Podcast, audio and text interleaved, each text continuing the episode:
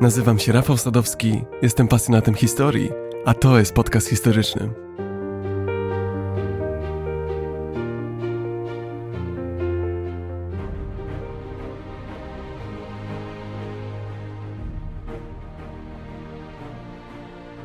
Witajcie, podróżnicy w czasie, ciekawskie umysły i poszukiwacze przygód.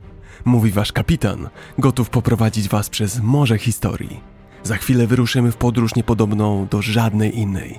Będziemy przemierzać królestwa bogów, kroczyć u bogu dawnych bohaterów i spoglądać głęboko w oczy bestii rodem z sennych koszmarów. Zabieram was dziś w labirynt starożytnych opowieści. Za chwilę przed nami ożyją mity. Te opowieści splecione z nici naszych wspólnych ludzkich doświadczeń. Mity kształtowały nasz świat w sposób równie znaczący, co niewidoczny, a dziś poznamy je z bliska – odtworzymy je. Wkraczamy do krainy, w której niebo jest płótnem boskich dramatów, gdzie wiatr niesie szepty bohaterskich wyczynów, gdzie każda góra, każda rzeka, każdy kamień ma do opowiedzenia swoją własną historię. Świat, który, choć oddzielony tysiącami lat, wciąż rezonuje w naszych sercach, wciąż rozbrzmiewa w naszej kulturze, w naszym języku, w naszej wspólnej świadomości. Ale czemu akurat taką podróż dla Was dziś wybrałem, drodzy słuchacze? Dlaczego akurat mitologia? Odpowiedź jest niezwykle prosta. Przechodząc przez te fascynujące narracje, słuchając o potężnych bóstwach, nieustraszonych bohaterach i doświadczając tych pradawnych opowieści, robimy coś więcej niż tylko odtwarzamy starożytne historie. O nie, w istocie mamy okazję odkryć naszą własną ludzką naturę. Marzenia, lęki, zasady moralne, pytania o istotę naszego bytu. Oto tematy, które napędzają mitologię. To wątki, które do teraz odbijają się echem w każdym z nas. Przypominają nam o tym, co nas łączy jako ludzi, o naszej wspólnej przeszłości. Mity pokazują, że choć na naszej planecie zamieszkuje dziś blisko 8 miliardów ludzi, to w wielu aspektach jesteśmy do siebie bardzo podobni. Jesteśmy jedną, wielką rodziną, której korzenie sięgają tysiące lat wstecz. A zatem, czy jesteście gotowi wkroczyć na dwór bogów, usłyszeć echo starożytnych bębnów, poczuć na twarzy płomień zapomnianych czasów? Czy jesteście gotowi rozwikłać nici mitologii? A więc usiądźcie wygodnie, wsłuchajcie się i pozwólcie, by te ponadczasowe opowieści przeniosły was do świata, w którym łączy się to, co śmiertelne i boskie – rzeczywiste i wyimaginowane, ludzkie i nadprzyrodzone. Witajcie, moi drodzy, w wyprawie do serca legend. Witajcie w świecie mitologii.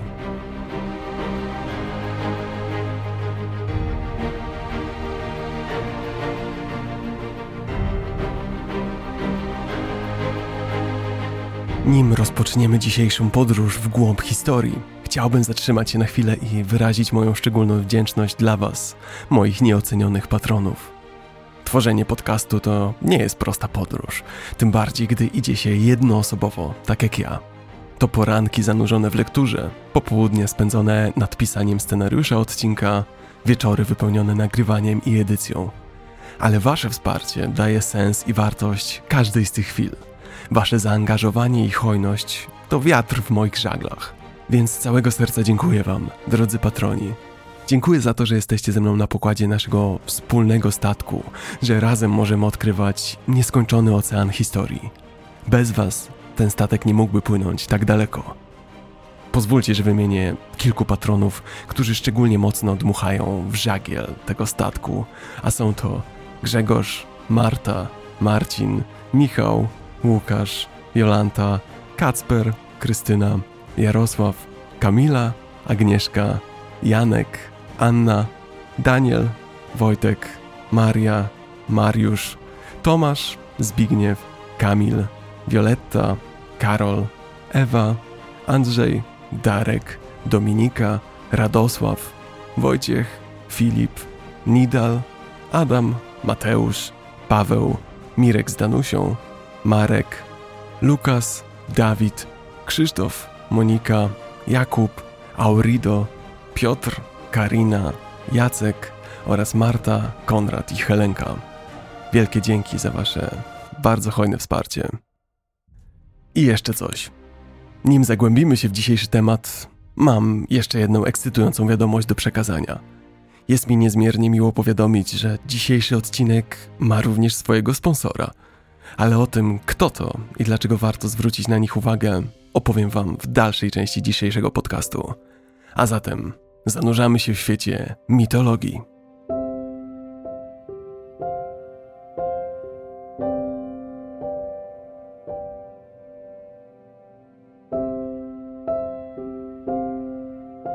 W najgłębszych zakamarkach naszych umysłów, w głębinach naszej ludzkiej pamięci, echem rozbrzmiewają pradawne historie, twory ludzkiej wyobraźni i pomysłowości, opowiadane i powtarzane przez tysiąclecia.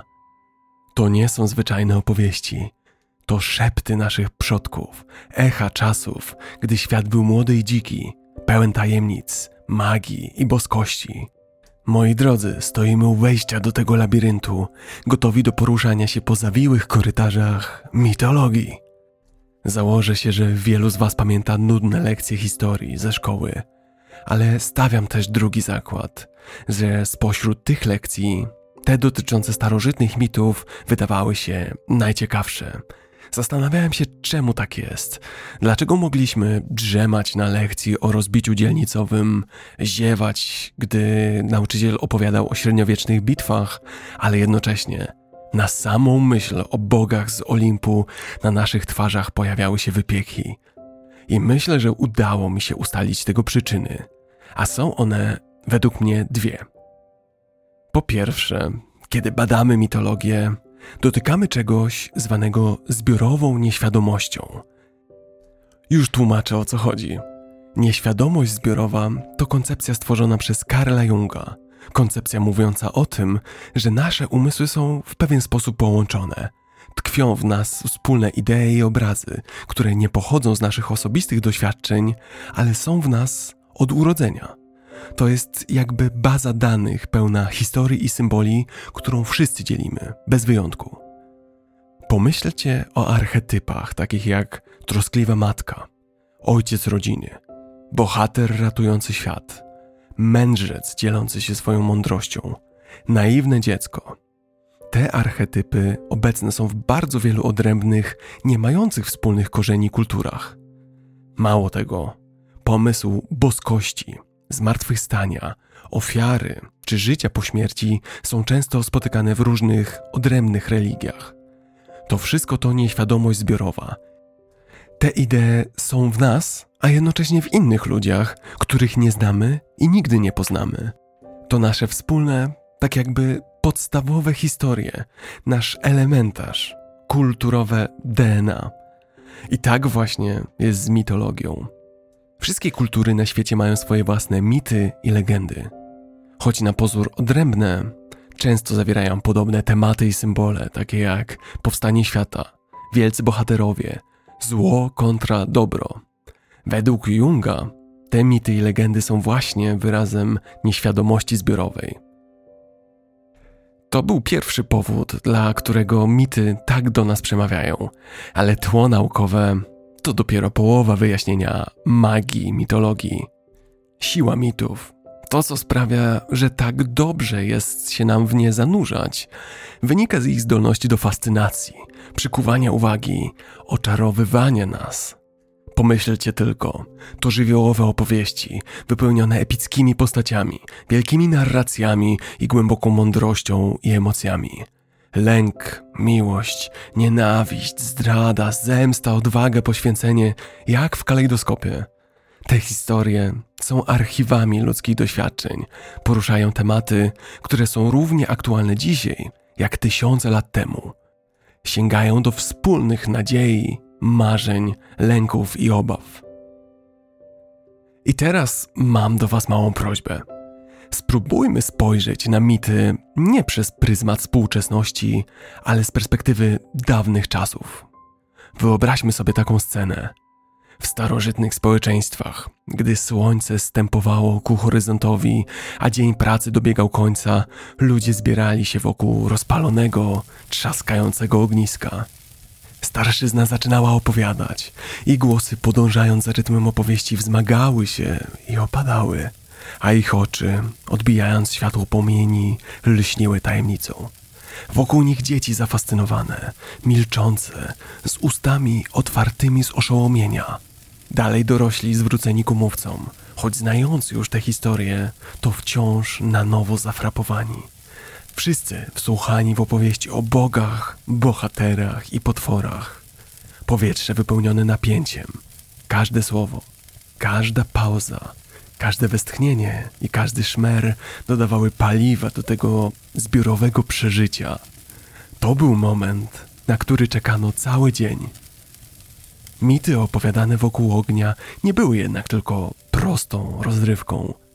Były one narzędziem, narzędziem do przekazywania kultury, tradycji, kodeksów moralnych oraz do budowania wspólnej tożsamości.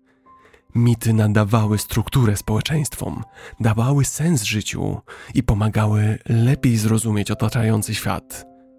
Był to bowiem czas, gdy rzeczywistość pełna była nieodgadnionych tajemnic. Dokąd udaje się słońce, gdy już zajdzie?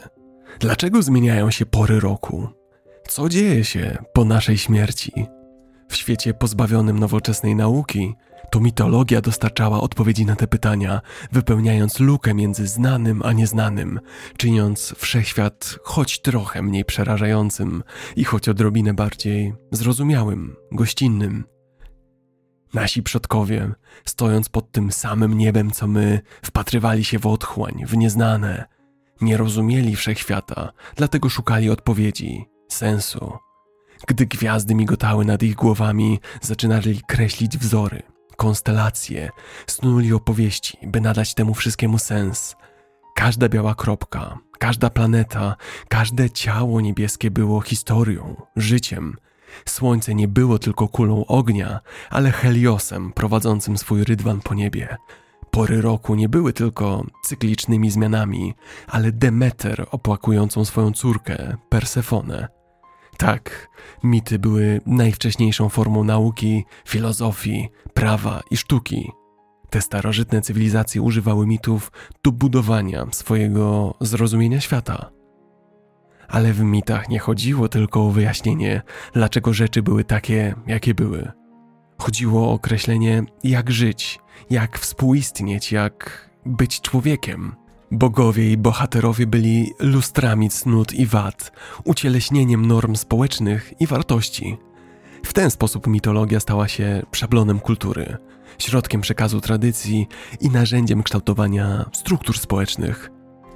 Lubię myśleć, że opowieści o bogach i bohaterach były nićmi, które utkały całe cywilizacje. Moglibyście teraz zapytać, ale Rafale, Jakie to tak naprawdę ma znaczenie dzisiaj? Po co nam zgłębiać mity dziś, po tylu latach? To doskonałe pytanie i cóż, w naszej podróży chodzi o znacznie więcej niż tylko abym opowiedział wam garść ciekawych historii. Moim celem jest, abyśmy rozszyfrowali ludzki szyfr, dostrzegli narrację, która łączy nas wszystkich – Mam głęboką nadzieję, że po dzisiejszym odcinku wspólnie dostrzeżemy, że każda mitologiczna opowieść, każde bóstwo, każdy bohater, którego spotkamy, wszystko to jest małym fragmentem większego ludzkiego portretu. Te starożytne mity podróżowały w czasie, zmieniając się, dostosowując, ale zasadniczo zachowały swoją istotę. Są jak zakopane kapsuły czasu, przechowujące fragment historii, który w innym przypadku byłby utracony. Kapsuły, które dziś wspólnie odkopiemy i otworzymy. Poznając te mity, możemy lepiej zrozumieć życie naszych przodków, a tym samym uzyskać wgląd w nasz własny świat. Zobaczymy wspólne wątki ludzkiej wyobraźni, lęków, nadziei, marzeń i wartości wątki, które przewijają się przez te różnorodne opowieści. Opowieści, które dla Was wybrałem, mam nadzieję, pokażą nam, że mimo różnic, mimo rozpiętości czasu i odległości geograficznych, wszyscy jesteśmy połączeni. Jesteśmy częścią tej samej narracji, tej samej ziemskiej ludzkiej rodziny. Zapraszam Was więc, drodzy słuchacze, wkroczmy w świat zapisany wyblakłym atramentem i wyryty na zapomnianych kamieniach. Wędrujmy przez mgliste krajobrazy przeszłości oświetlone migoczącą pochodnią mitu. Idźmy tam, gdzie bogowie stąpają wśród ludzi, gdzie bohaterowie rzucają wyzwanie losowi i gdzie zaciera się granica między tym, co rzeczywiste, a tym, co nierealne. Rozpocznijmy naszą Odyseję, a naszym pierwszym przystankiem jest kraina filozofów, olimpiad i demokracji. Przed nami starożytna Grecja.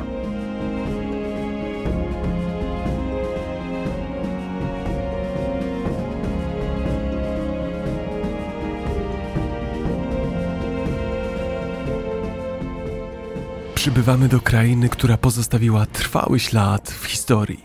Oto co nas wita. Słońce wysoko na błękitnym niebie, wokół wznoszące się marmurowe kolumny, filozofowie przemawiający na placu miejskim, tłumy w ruchliwej ateńskiej stoczni. Znajdujemy się w miejscu, w którym szepty bohaterów i bogów rozbrzmiewają na wietrze, gdzie pierwsze dramaty świata rozgrywały się nie tylko na scenie amfiteatru, ale także w sercach i umysłach jego mieszkańców. Moi drodzy, miło mi powitać Was w starożytnej Grecji. Wspaniała, skąpana w słońcu Grecja, miejsce narodzin zachodniej cywilizacji. Ten wyrastający z Morza Śródziemnego półwysep, wyglądający trochę jak czubek trójzębu Posejdona, stanowił w dawnych czasach tygiel innowacji, odkryć oraz filozoficznych i artystycznych osiągnięć. To trochę tak jakby bogowie obdarzyli starożytnych Greków darem szczególnej mądrości, dając im głębokie zrozumienie świata i ludzkich dylematów. Greckie myśli znalazły wyraz w matematyce, polityce, naukach ścisłych oraz, rzecz jasna, fascynującej i niezwykle złożonej mitologii. Mówiąc o Grecji, nie mam na myśli zjednoczonej krainy, w każdym razie jeszcze nie wówczas. Starożytna Grecja była jak mozaika niezależnych miast-państw zwanych polis.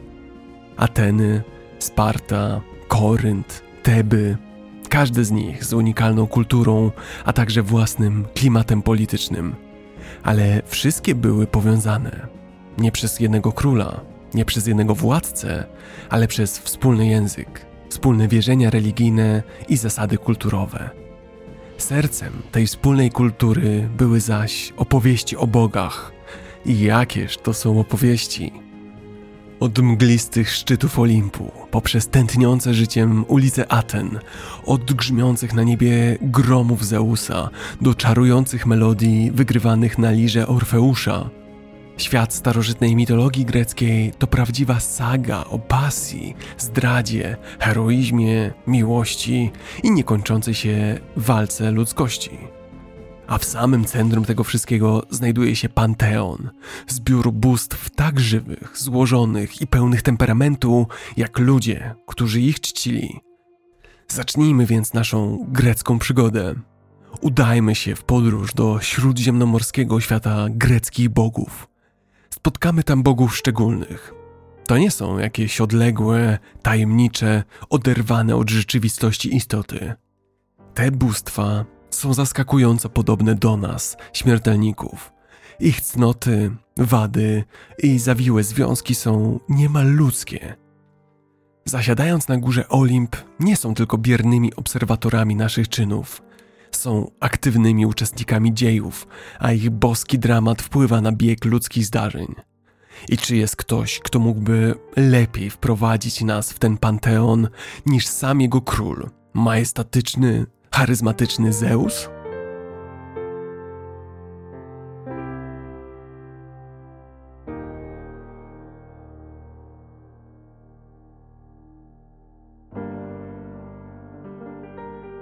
Zeus jest bogiem kontrastów.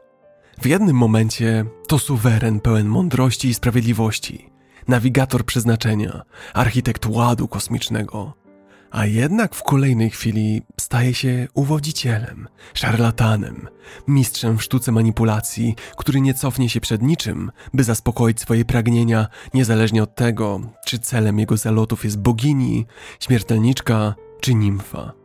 Wydaje się, że Zeus uosabia samo sedno greckiej mitologii. To świat, w którym bogowie nie są wzorem cnót, nie są bezkrytycznym ideałem do naśladowania. Przeciwnie. Są głęboko ułomnymi istotami, podatnymi na te same pokusy, mającymi te same przywary, te same kaprysy i te same szaleństwa, co my, ludzie. Przedstawiam wam więc Zeusa we własnej osobie, olśniewającego w swoim majestacie. Królewskie berło w jednej ręce, piorun w drugiej, orzeł, symbol panowania nad niebem, siedzący czujnie na jego ramieniu. Zeus to nie jest jakieś tam byle chucherko, dreptające nieśmiało po Olimpie. O nie, Zeus jest bogiem zbudowanym jak forteca. Szerokie ramiona, żelazna muskulatura, stalowe spojrzenie, oblicze, które emanuje potęgą. Ma gęstą, kręconą brodę, białą jak ośnieżony szczyt. Jest władczy, z aparycją, która nie pozostawia żadnych wątpliwości, dlaczego to on rządzi w Panteonie. Nie chcielibyście z nim zadrzeć. Jego oczy są tak głębokie jak niebo, nad którym panuje, jego głos jest jak dudniąca burza, a jego decyzje. Cóż, jego decyzje bywają tak nieprzewidywalne jak pogoda. Ale Zeus miał też inne oblicze. Był patronem gościnności i tych, którzy błagają o jego protekcję. Był stróżem praw, zarówno ludzkich, jak i boskich. Był bóstwem, które widzi wszystko, które wie wszystko i na które to bóstwo składa się przysięgi i śluby. Jego historie były lekcjami władzy i konsekwencji, sprawiedliwości i miłosierdzia, obowiązku i pożądania. Odzwierciedlały złożoność i paradoksy samego życia, dramaty codziennej egzystencji. Zeus był lustrem, w którym grecka cywilizacja widziała swoje własne odbicia dobre, złe i skomplikowane. Oto więc Zeus, Bóg bogów, wielowarstwowy, fascynujący, enigmatyczny jak sama ludzka natura, nad którą panował.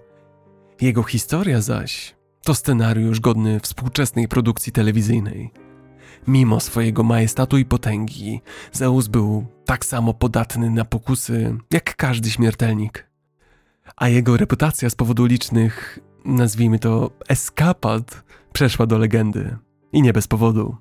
Romanse Zeusa były tak zróżnicowane, jak liczne. Od bogiń do śmiertelników, od nimf do tytanów, a nawet transformacje w zwierzęta. Wszystko by zaspokoić swoje pragnienia. Można by rzec, że grecka mitologia jest kroniką miłosnych przygód Zeusa i ich dalekosiężnych konsekwencji. Ale nie dajcie się zwieść. Te historie, choć mogą brzmieć skandalicznie, nie są równoznaczne z banalnymi romansami rodem z tabloidów. Każda ze eskapad Zeusa była wartościową narracją, która przekazywała zawiłe koncepcje władzy, moralności, przeznaczenia oraz o tym, jak los bogów i ludzi może się spleść. Przyjrzyjmy się na przykład romansowi Zeusa ze śmiertelniczką Alkmeną, romansowi, który doprowadził do narodzin Heraklesa. Oto opowieść o sile, pasji i manipulacji, ale również opowieść o tym, jak boskie i ludzkie królestwa są nierozerwalnie ze sobą złączone, jak działania bogów kształtują przeznaczenie ludzi. Pozwólcie mi więc opowiedzieć wam mit o Zeusie, Alkmenie i Heraklesie.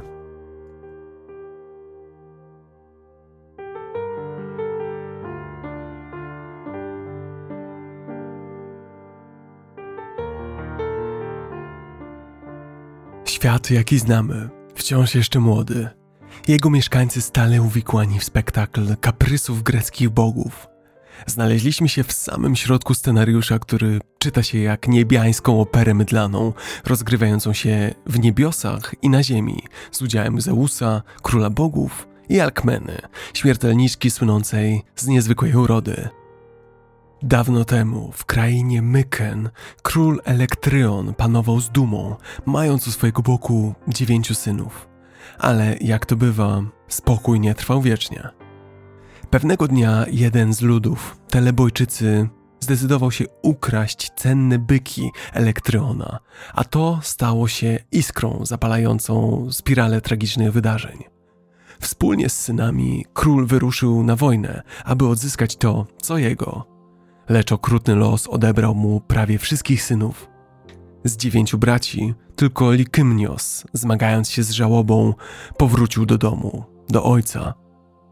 W tym miejscu pojawia się Amfitrion, Młody, odważny, niezmiernie zakochany w pięknej Alkmenie, córce Elektryona.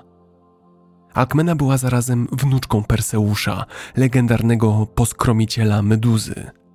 By zdobyć serce tak znaczącej i pięknej niewiasty, postanowił dać jej niebagatelny prezent odzyskać honor rodziny, pomścić śmierć jej braci. Ale historia szykowała zwrot akcji. W trakcie przygotowań do kolejnej wyprawy wybuchła kłótnia pomiędzy młodzieńcem a królem. Wydarzenie, które miało nastąpić, pozostanie wieczną zagadką, ale mówi się, że najpewniej w wyniku niefortunnego wypadku Amfitrion próbował uderzyć pałką jednego z byków, ale trafił Elektryona, zabijając go na miejscu. Następstwa tej przypadkowej tragedii były druzgocące. Stenelos, brat Elektrona, a tym samym wujek Alkmeny, widząc okazję do zdobycia władzy, oskarżył Amfitriona o zamach i przejął tron. Amfitrion istotnie czuł się winien tragedii Alkmeny. Nieumyślnie zabił jej ojca, a teraz żyli na wygnaniu, przepędzeni przez jej wujka. Jakby tego było mało, prawie wszyscy bracia Alkmeny zginęli podczas walk z telebojczykami. Aby choć trochę ukoić jej cierpienie, Amfitrion obiecał Alkmenie, że pomści jej braci. Ta zaś obiecała, że w zamian za to wreszcie go poślubi. Amfitrion wyruszył na wojnę. Mijały długie dni. Gdy Alkmena wyczekiwała powrotu ukochanego, pewnego razu wpadła w oko Zeusowi, królowi bogów. Ponieważ jej przyszły mąż, Amfitrion, wciąż był daleko, Zeus dostrzegł okazję, by podszyć się pod nieobecnego partnera. Aby jego intryga była tak trudna do rozszyfrowania, jak to tylko możliwe, wykorzystał swoje boskie moce i przedłużył czas trwania nocy do trzech jej normalnych długości. Wyobraźcie sobie noc, która trwa i trwa po trzykroć, aż do nadejścia świtu, podczas gdy Zeus w postaci Amfitriona dzieli łóżko z Alkmeną. Rezultat tego boskiego podstępu? Alkmena zachodzi w ciąży z Zeusem. Ale fabuła jeszcze bardziej zagęszcza się. Prawdziwy Amfitrion wraca z wojny raptem następnego dnia, a Alkmena zachodzi w ciążę po raz drugi z nim – gdy leżeli w łóżku i odpoczywali, Alkmena zauważyła, że jej mąż zdaje się być zdziwiony, gdy opowiadała o ich poprzedniej nocy razem. Zdezorientowany sytuacją Amfitrion konsultuje się z wyrocznią w Delfach i dowiaduje się o oszustwie Zeusa. Cóż za dramat. Podwójna ciąża. Jedno dziecko Boga, drugie śmiertelnika. Teraz robi się naprawdę ciekawie. Gdy zbliża się czas porodu Alkmeny, Zeus składa deklarację. Mówi, że następnym potomek Perseusza, który przyjdzie na świat, zostanie królem Myken. Jak pamiętamy, Alkmena była wnuczką Perseusza. Ale oczywiście w świecie bogów i bogiń zawsze pojawiają się komplikacje. Hera, żona Zeusa, dowiaduje się o jego niewierności i postanawia interweniować.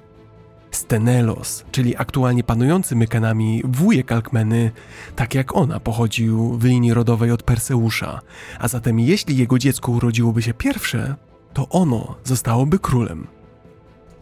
Mściwa Hera natychmiast udała się do Myken i używając swojej boskiej mocy przyspieszyła poród żony Stenelosa, Nikippe. Następnie Niezaspokojona tym zwrotem wydarzeń, Hera udała się do Teb, miejsca zamieszkania Alkmeny. Tam splotła swoje nogi i zawiązała swoje szaty, by jeszcze bardziej opóźnić narodziny Heraklesa. Nim ktoś zdążył zorientować się w skomplikowanym przebiegu wydarzeń, nadeszła chwila porodu. Eurysteusz, potomek Perseusza, syn Nikippe i Stenelosa, przychodzi na świat przed Heraklesem – i tak na skutek boskich intryg Eurysteusz zostaje nowym królem Myken. Kiedy w końcu Alkmena również urodziła, na świat przyszedł Herakles i jego brat Ifikles. Obaj byli synami Alkmeny, ale istniała między nimi zasadnicza różnica. Herakles był synem Zeusa, króla bogów. Ifikles zaś był synem jej prawdziwego męża, Amfitriona. Choć byli rodzonymi braćmi, Herakles był półbogiem, a Ifikles zwykłym śmiertelnikiem. Możecie zapytać, co o tym wszystkim myślała Hera, żona Zeusa. Z jednej strony, cała ta sytuacja nie była dla niej wielkim zaskoczeniem. Zeus był znany ze swoich licznych romansów, a Hera często była bardzo zazdrosna o te wyskoki. Ale z drugiej strony, tym razem Zeus naprawdę znalazł Herze za skórę. Tym razem romans zaowocował bowiem potomkiem. Mało tego, Herakles był półbogiem o ogromnej sile i możliwościach. Półbogowie byli nieczęsto spotykani, a to czyniło go ciągłym przypomnieniem zdrady Zeusa. Jej nienawiść do Heraklesa była szczególnie silna. Co więcej, Hera dowiedziała się z przepowiedni, że Herakles miał zostać jednym z największych greckich bohaterów. To jeszcze bardziej podsyciło jej gniew. Zeus wiedział, że tym razem pokpił sprawę. Negocjował z Herą, próbował znaleźć jakieś wyjście z tej sytuacji. Zaproponował wreszcie, że jeśli Herakles pomyślnie ukończy serię wyzwań, zasłuży na miejsce wśród nieśmiertelnych na Olimpie. Hera, dostrzegając wiele okazji do zabicia Heraklesa podczas tych przygód, zgodziła się. Herakles okazał się jednak twardym orzechem do zgryzienia. Gdy Herakles miał zaledwie 8 miesięcy, Hera podjęła pierwszą próbę zabicia nieślubnego syna Zeusa. Nocą wysłała dwa jadowite węże do komnaty Heraklesa i jego brata Ifiklesa. Kiedy Ifikles dostrzegł węże na podłodze, zaczął krzyczeć, płakać, zaalarmował służby. Kiedy jednak sługa wbiegł do pokoju, było za późno, ale dla węży. Maleńki Herakles zabił oba węże, dusząc po jednym w każdej swojej maleńkiej, ośmiomiesięcznej rączce. Jak się miało okazać, Herakles miał zabić jeszcze wiele potworów w swoim życiu. I tak oto znaleźliśmy się w punkcie kulminacyjnym tej pokręconej opowieści. Historia Zeusa, Alkmeny i narodzin Heraklesa to opowieść o życiu niewinnej kobiety, na zawsze odmienionym przez machinacje króla bogów. Ta historia na pierwszy rzut oka uczy nas o chaosie, który wniknąć może z igrania z boskością. Ale patrząc na to szerzej, rezonuje z nami, bo pokazuje naszą własną rzeczywistość – Pokazuje nam to, jak potężni często zakłócają życie zwykłych ludzi. Przede wszystkim jednak ta opowieść mówi nam o odporności, o tym jak ludzkość, nawet w obliczu boskości, znajduje sposób na przetrwanie. To właśnie, moi drodzy słuchacze, jest magia mitologii. A teraz stąpmy z niebios i królestw do głębin śmiertelnego labiryntu, gdzie inny legendarny grecki bohater właśnie mierzy się z bestią. Historie pełne odwagi, przebiegłości i skomplikowanych więzów rodzinnych, epickie starcie, pojedynek między człowiekiem a potworem. Opowieść o Tezeuszu i Minotaurze już na nas czeka.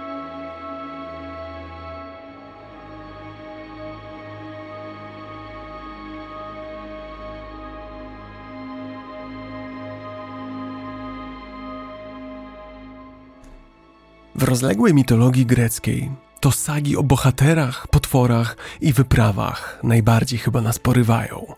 Mówią one o wyczynach i porażkach herosów. Podejmują się oni skomplikowanych zadań i walczą z potworami, takimi jak dziewięciogłowa hydra, minotaur z labiryntu czy przerażająca meduza. Te zadania stanowią próbę siły, intelektu i charakteru, ale też stanowią pewną metaforę. Przeciwnicy naszych herosów te potwory uosabiają nasze najgłębsze lęki i najmroczniejsze instynkty, symbolizują chaos i zniszczenie. Bohaterowie zaś muszą je pokonać, aby przywrócić równowagę. Te misje zazwyczaj mają w sobie boski pierwiastek, a greccy bogowie regularnie wtrącają swoje trzy grosze do historii. Prawdą jest, że te opowieści dają nam lekcje na temat odwagi i przebiegłości, uczą nas o równowadze między porządkiem a chaosem – ale jest jeszcze jeden ich aspekt, mój ulubiony. Te mity mają nas zainspirować, pokazać nam, że każdy z nas ma w sobie coś z Herosa. Zapraszam Was zatem na kolejny, zupełnie inny grecki mit. Wyruszając w podróż przez labirynt greckiej mitologii, rozwikłajmy porywającą opowieść o Tezeuszu i potężnym Minotaurze. Przed Wami mit, który jest świadectwem odwagi, sprytu i siły ludzkiego ducha.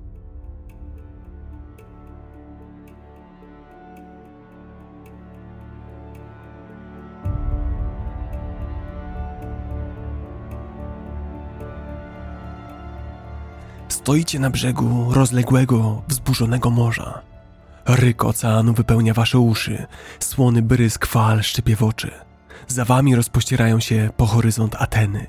Przed wami, spowita morską mgłą, majaczy wyspa Kreta, twierdza starożytnej, krwiożerczej bestii i cel waszej nadchodzącej podróży. Na imię wam Tezeusz. Stoicie w tym miejscu, na progu przygody, czując mieszankę odwagi, desperacji i być może boskiego przeznaczenia.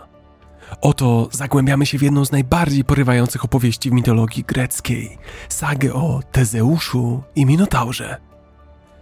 Życie Tezeusza to mieszanka historii i mitologii, mikstura heroizmu i boskiej interwencji. To wszystko sprawia, że bajarze opowiadają o nim od wieków. Tezeusz był nie tylko bohaterem, był symbolem, personifikacją samego miasta Ateny. Dla starożytnych Ateńczyków jego niezliczone bohaterskie czyny były kamieniami węgielnymi, na których stało ich demokratyczne miasto-państwo, miejsce, które dziś uznajemy za kolebkę demokracji. Mówi się, że Tezeusz był współczesny Heraklesowi, co plasowałoby go pokolenie przed wojną trojańską.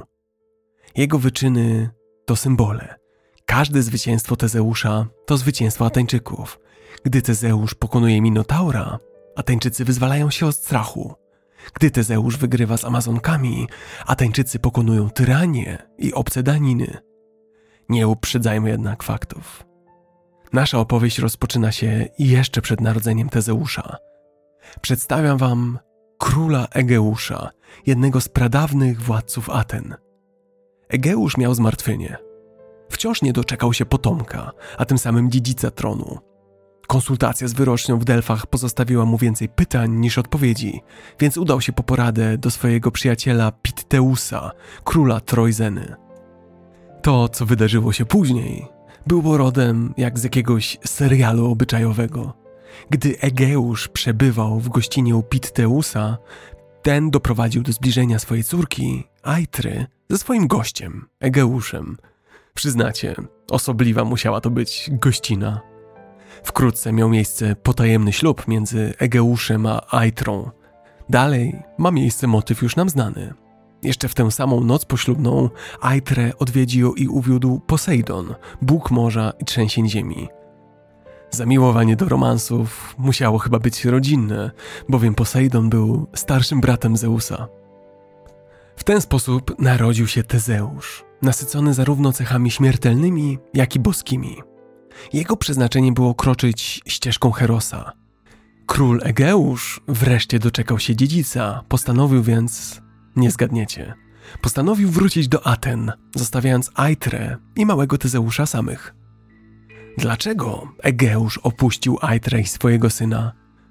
Po pierwsze, ze względu na niejednoznaczność przepowiedni delfickiej wyroczni, obawiał się, że potencjalny męski potomek może stanowić dla niego zagrożenie.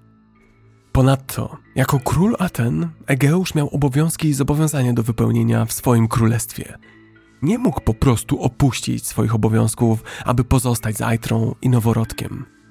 Jednak Egeusz nie porzucił swojego syna bez zapewnienia mu środków do zidentyfikowania siebie, do odnalezienia swojego ojca w przyszłości.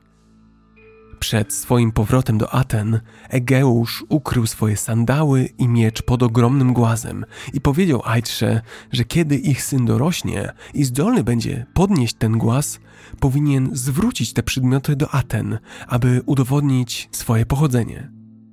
Tak więc, choć decyzja Egeusza o opuszczeniu Aitry i Tezeusza mogła wydawać się surowa, była w dużej mierze podyktowana okolicznościami i obawami, jakie niosły ze sobą przepowiednie oraz obowiązki władcy.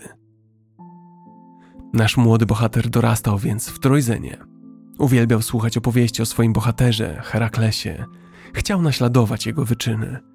Gdy dorósł, natrafił na głaz przygotowany przez Egeusza. Z łatwością go odepchnął i pochwycił miecz i sandały.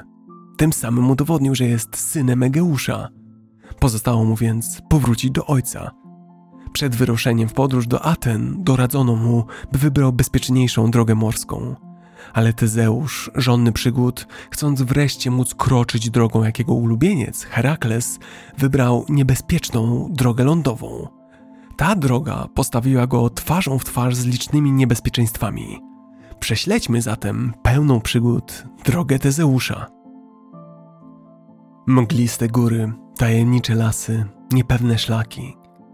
Droga wydawała się spokojna, ale wkrótce nadeszło niebezpieczeństwo. Środkiem drogi przechadzał się człowiek o nazwisku Perifetes. Na pierwszy rzut oka nie wyglądał na osobę niebezpieczną, ale Perifetes był brutalnym bandytą, a zarazem był synem Hefajstosa, boga ognia i kowalstwa. Właśnie od swojego boskiego ojca odziedziczył zdolność do wytwarzania broni. Jego oręże wyboru ciężka, wykonana z miedzi pałka, która stała się nieodłączną częścią jego groźnego wizerunku. Perifetes używał jej nie tylko do zastraszania swoich ofiar, ale również jako swoistej podpory, laski, cierpiał bowiem na chromą nogę. Perifetes zazwyczaj stawał na środku drogi, czekając na swoją kolejną ofiarę. W momencie, gdy niczego nie podejrzewający przechodzień pojawiał się na horyzoncie, Perifetes atakował.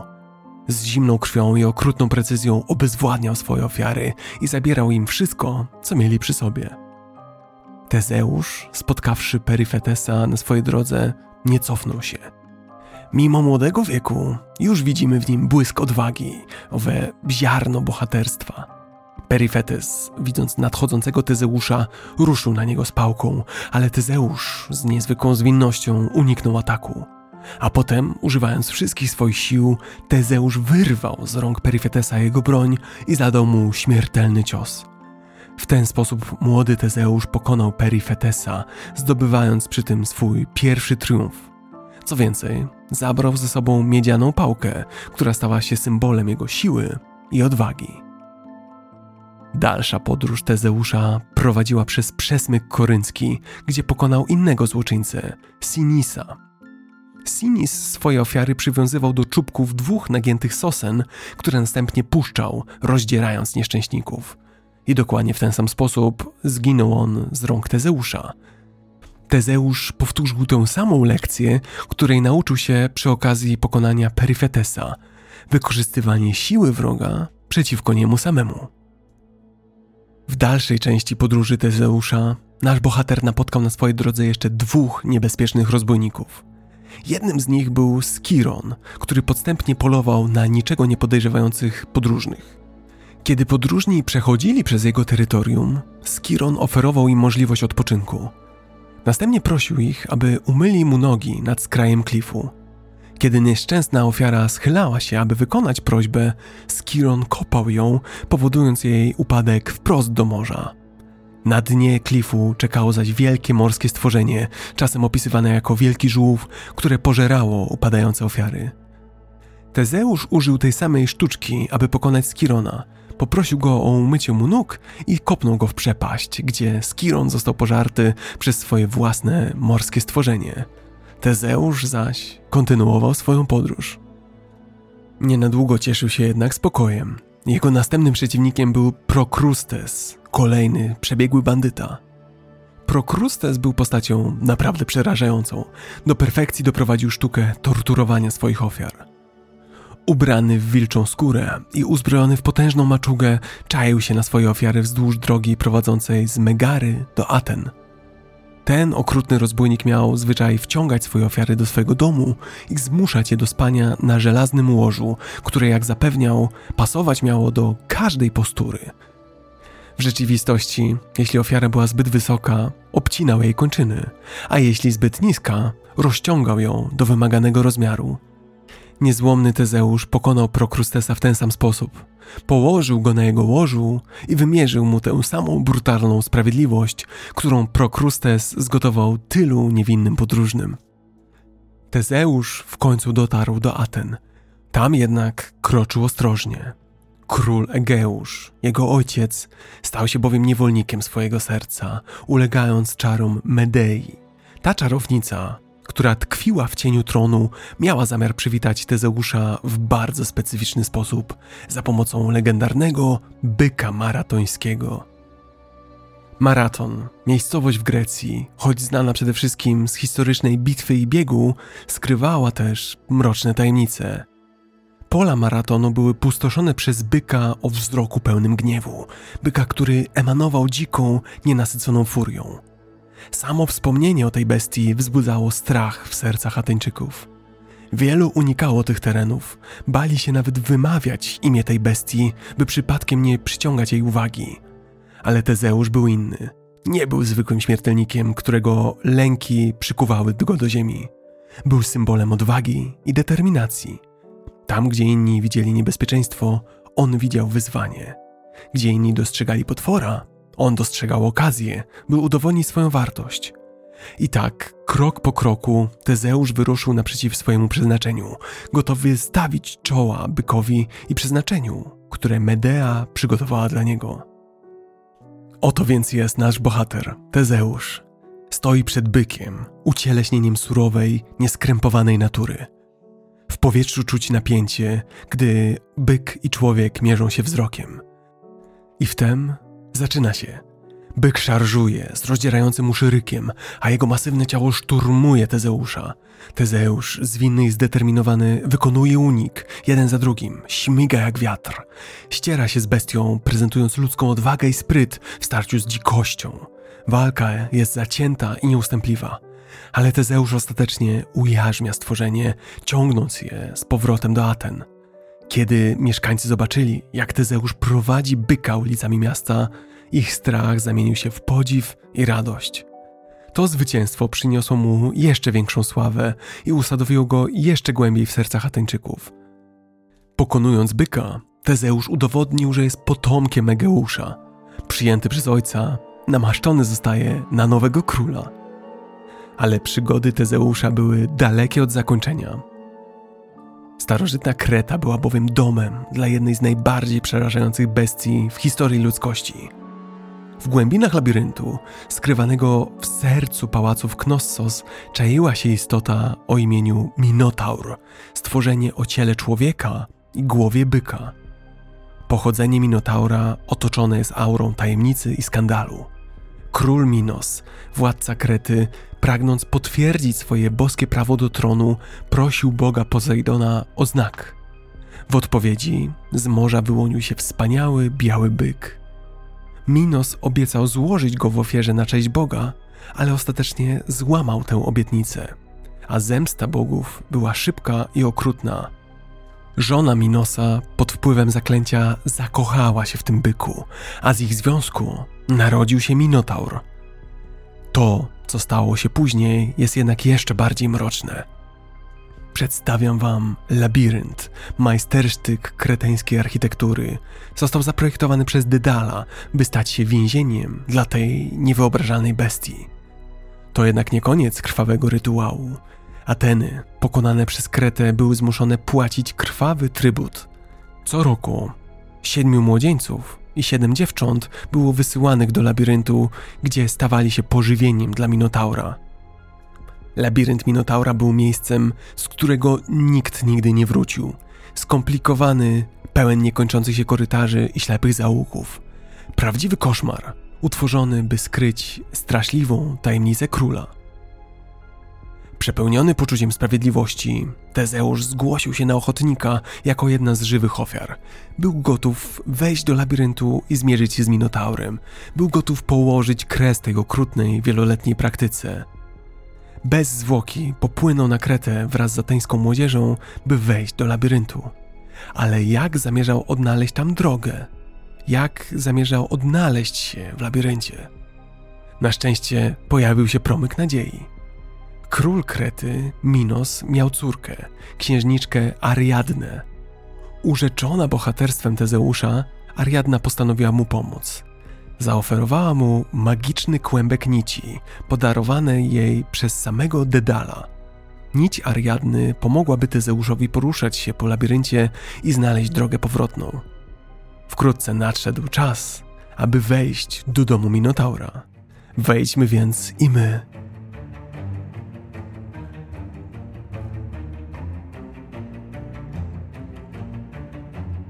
Labirynt tak złożony i zawiły, że mógł zostać zaprojektowany tylko przez sadystę.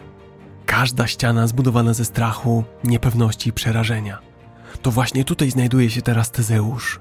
uzbrojone tylko w miecz i kłębek nici, narzędzia tak proste wobec przeciwnika tak monumentalnego Minotaura, stworzenia zrodzonego z boskiej klątwy, pół człowieka, pół bestii, ucieleśnienia strachu. Tezeusz kroczy po labiryncie. Kroki odbijają się echem w jego pustce, a on sam zaznacza swoją drogę nicią, tą liną ratunkową w morzu niepewności. Napięcie w powietrzu jest gęste, namacalne. To klasyczny scenariusz człowiek kontra potwór, ale z pewną niespodzianką. To nie potwór poluje na człowieka, ale człowiek celowo zbliża się do potwora. Konfrontacja, gdy już do niej dochodzi, jest jak z filmu. Minotaur, przerażający, górujący, szarżuje z furią na Tezeusza. Tezeusz, człowiek, niedoskonały, ale jakże odporny, walczy nie tylko mieczem, ale także rozumem, siłą ludzkiej woli. Bitwa jest brutalna, dzika, taniec ostrzy. Od ścian labiryntu odbija się echo ryków, zgrzytów, błyskają iskry krzesane ostrzami o kamienie, a potem następuje cisza. Mijają długie minuty, a zgromadzeni przed labiryntem czekają, pełni nerwów, obawiając się najgorszego. Wreszcie ktoś staje u wejścia do labiryntu. To Tezeusz wychodzi zwycięsko, niosąc głowę byka jako trofeum, jako świadectwo jego odwagi. Opowieść o Tezeuszu, labiryncie i Minotaurze to saga ludzkiej walki z siłami ciemności i chaosu. Saga, która jeszcze się nie skończyła. Po pokonaniu Minotaura, szczęśliwy Tezeusz wypłynął w morze i zawrócił do Aten. Jego triumfalny powrót powinien być przecież radosną chwilą, był jednak naznaczony tragedią. Tezeusz, pochłonięty swoim zwycięstwem, zapomniał zamienić czarne żagle swojego statku na białe, a to było wcześniej uzgodnionym sygnałem z jego ojcem. Sygnałem, który wskazywałby na to, że przetrwał, że Tezeusz przeżył. Widząc czarne żagle, Egeusz myślał, że jego syn zginął w labiryncie. W rozpaczy, nim jeszcze statek zdążył dobić do brzegu, Egeusz rzucił się do morza i zginął. A od tamtego momentu, ku upamiętnieniu tej strasznej pomyłki Egeusza, to morze do dziś znane jest jako Morze Egejskie. Tezeusz tymczasem został królem. Stanowisko to nie było jednak dla niego okazją do świętowania, ale raczej wspomnieniem tragicznej śmierci ojca. Jako królowi przypisuje mu się liczne reformy polityczne i społeczne. Został zapamiętany za skonsolidowanie dwunastu niezależnych miast w miasto-państwo Ateny. Ponadto wprowadził zmiany, które zapewniły równe prawa wszystkim obywatelom, tworząc w ten sposób nowoczesne ramy społeczne. Tezeusz nie potrafił jednak usiedzieć na miejscu. W kolejnym rozdziale swojego życia wyruszył w podróż odkrywczą, która doprowadziła go na wyspę Lemnos, będącą domem Amazonek, legendarnej społeczności kobiet wojowników. Gdy byli już blisko Lemnos, na ich spotkanie wyruszyła Antiope, królowa Amazonek. Antiope chciała ocenić zamiary Tezeusza i jego załogi – Tezeusz, urzeczony jej pięknem, nie mógł się jej oprzeć i spontanicznie porwał ją z powrotem do Aten. Po powrocie do Aten Antiope została królową i urodziła Tezeuszowi syna, Hipolita. Ale to wszystko nie obyło się bez konsekwencji. Amazonki, rozwścieczone porwaniem Antiope, swojej królowej, przypuściły w rewanżu atak na Ateny – w bitwie Tezeusz zdołał je odeprzeć zaciekłym kontratakiem. Niestety Antiope, która walczyła u boku swojego męża, poległa na polu bitwy, głęboko opłakiwana przez Tezeusza. To kolejna tragedia Tezeusza. Najpierw ojciec, teraz żona. Kolejnym ważnym wydarzeniem w życiu Tezeusza było spotkanie z Peiritosem, królem Lapitów. Po początkowej konfrontacji, która przerodziła się we wzajemny podziw, obaj przysięgli nierozerwalną więź przyjaźni.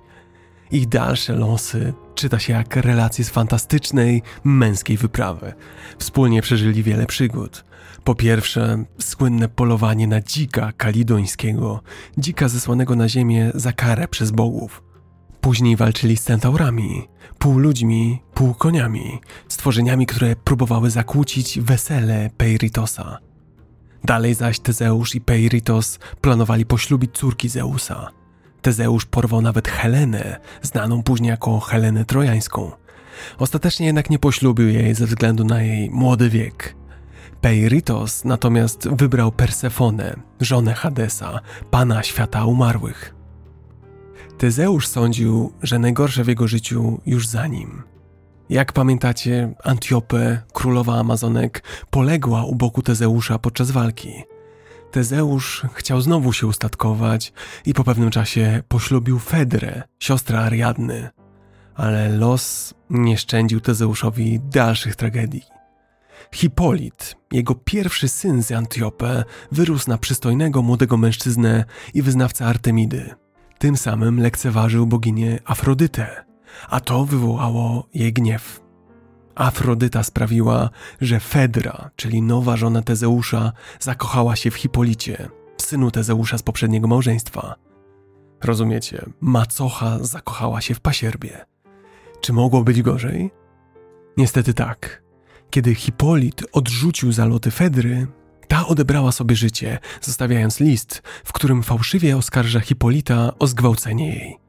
To była trzecia tragedia, która dosięgła Tezeusza. Ojciec i dwie żony.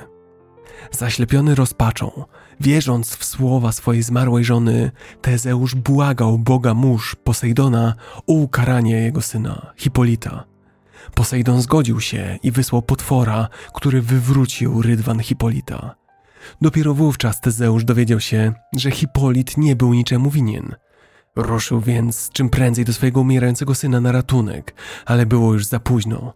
Po raz kolejny los zgotował mu tragedię, ale tym razem Tezeusz miał się już z niej nie podnieść. To był początek upadku Tezeusza. W krótkim czasie Tezeusz utracił ojca, dwie żony i syna. Pogrążył się w żałobie i rozpaczy, w maraźmie, a jego popularność w Atenach zmalała w następstwie tragedii.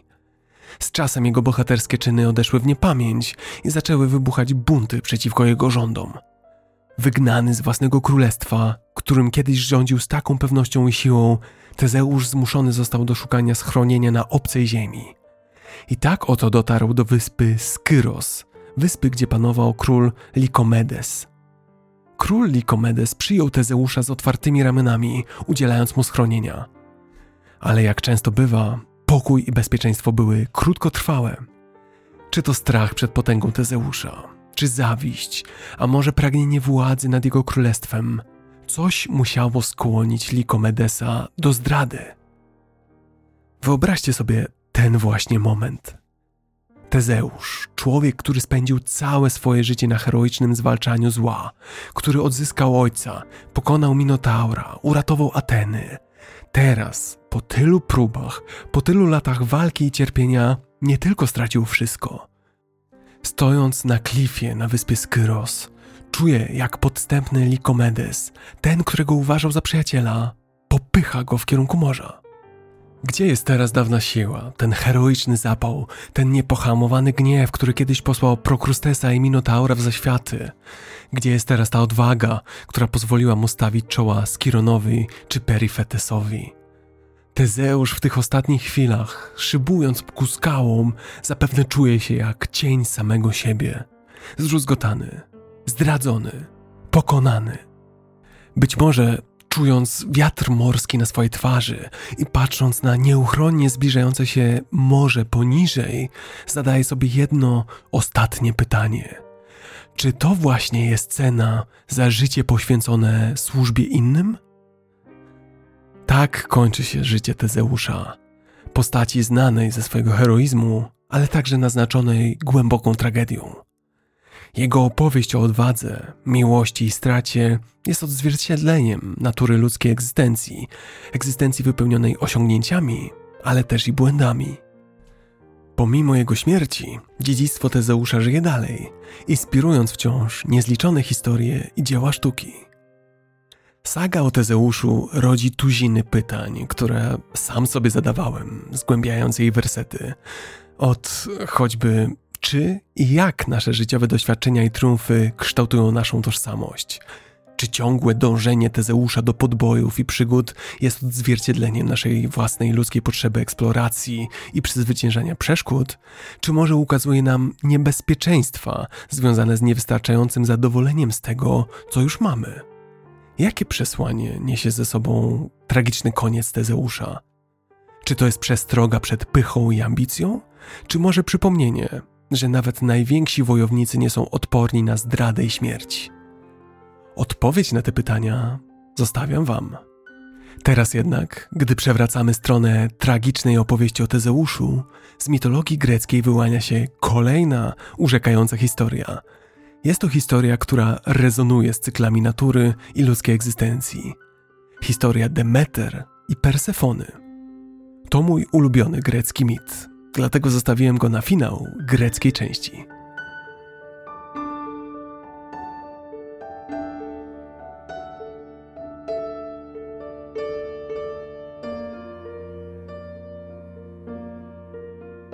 W czasach starożytnych Greków, kiedy bogowie współistnieli ze śmiertelnikami, a śmiertelnicy odgrywali jedynie swoją rolę w wielkim kosmicznym teatrze, w czasach, gdy pory roku nie były tłumaczone nachyleniem Ziemi, ale kaprysami bogów, to właśnie wówczas poznajemy historię Demeter i Persefony. To opowieść utkana z miłości matki i córki, więzi rodzinnych, żalu, straty i ostatecznie nadziei. To historia o relacjach międzyludzkich, ale też cyklach życia i natury. To opowieść, która pokaże nam podróż młodej kobiety od niewinności do dojrzałości. Ale chwila, któż to? Oto właśnie dołącza do nas Hades, postać spowita aurą mocy, Bóg podziemi. Jego sylwetka okryta jest mrokiem, jego oblicze surowe, usta zaciśnięte. Jego bladość jak biel śmierci, oczy błyszczą ogniem ostateczności. Odziany jest w szatę ciemniejszą niż obsydian, a na głowie hełm, niesławny hełm ciemności, spowijający go cieniem i ciszą. Myli się jednak ten, kto myśli, że Hades jest uosobieniem zła. Hades to po prostu nieuchronność. Hades jest ostatnim Bogiem, którego każdy z nas chciałby zobaczyć, a zarazem tym, którego wszyscy nieuchronnie kiedyś spotkamy. Zapuśćmy się do podziemi, królestwa, które jest tak samo przerażające dziś, jak dla starożytnych Greków. Było ono domeną Hadesa, miejscem, z którego prawie nigdy się nie ruszał. Ale gdy to robił, natykał się na piękną córkę Zeusa, pełną życia Persefonę i jej matkę Demeter. Persefona, bawiąca się na skąpanej słońcem łące, była widokiem jak z obrazka, a Hades, nawet ze swym posępnym sercem, był nią oczarowany. Ogarnęło go pragnienie jej towarzystwa, na zawsze, jako żony. Dodajmy do tego pewien szczegół: Hades był bratem Zeusa. Zakochał się więc w swojej bratanicy i zapragnął z nią władać podziemiem. Zeus, jak wiecie, liberalny obyczajowo, był skłonny zgodzić się na taki układ. Ale pojawił się problem. Demeter, matka Persefony, była wyjątkowo opiekuńcza. Dla niej dziecko było jak przedłużenie duszy. Sama myśl o Persefonie, niewinnej, bawiącej się na zielonych łąkach i lasach córeczce, zaręczonej z władcą podziemi, była nie do przyjęcia. Hades pogrążył się więc w żalu. Jak widzimy, rozpacz nieodzajemnionej miłości nie jest zarezerwowana wyłącznie dla śmiertelników, lecz Zeus nie dał za wygraną. W swoim sprycie uknął spisek z Hadesem. Oto przed nami właśnie rozgrywa się boski dramat. Wraz z nastaniem świtu Demeter, życiodajna bogini urodzaju, stąpiła jak co dzień na zieloną ziemię wraz ze swoją ukochaną córką. Chwilę spokojnej więzi, matka rozkoszująca się towarzystwem swojej córki u progu kobiecości. Moc Demeter była ogromna, zapewniająca ziemi obfite zbiory, a ludziom wiedzę na temat rolnictwa. Demeter pokazywała śmiertelnikom, jak uprawiać, zbierać i mielić pszenicę. Była bóstwem splecionym z życiem każdego człowieka. Ale pamiętajmy, nawet bogowie mają swoje obowiązki. W pewnej chwili Demeter zostawiła Persefonę pod czujnym okiem nimf, podczas gdy sama zajęła się wypełnianiem swoich zadań. Niesamowite, jak bogowie nie pozostawiali niczego przypadkowi. Dzień wcześniej Zeus nakazał Gai, bogini ziemi, zasadzić w pobliskim ogrodzie magiczny kwiat narcyza. To nie był zwykły kwiat, to był pionek w boskiej grze, przynęta na niczego nie podejrzewającą Persefonę. I owa przynęta zadziałała. Niewinna Persefona, nieświadoma spisku uknutego wokół niej, została zwabiona przez narcyz, którego piękno do niej wołało. I wówczas to się stało, dramatyczny zwrot w opowieści. Gdy Persefona pochyliła się, by zerwać kwiat, ziemia pod nią zadrżała i zaczęła pękać, rozwierać się. To musiał być przerażający widok nawet dla bogów. Z tej przepaści na rydwanie zaprzężonym w czarne konie wyłonił się Hades. Władca podziemi, w swej imponującej okazałości przybył tu, by zażądać swojej miłości. To było porwanie. Wszystko wydarzyło się tak szybko, że zanim Persefona zdążyła jakkolwiek zareagować, została wywieziona do podziemi. Jedna z nimf, Sion, była świadkiem tego przerażającego czynu. Próbowała ratować Persefonę, na próżno jednak. Jej żal był tak wielki, nimfa płakała tak długo, aż rozpuściła się w kałuży łez, a wody z jej płaczu utworzyły rzekę Sion. Pomyślcie tylko, rozpacz tak wielka, że zmieniła cały krajobraz.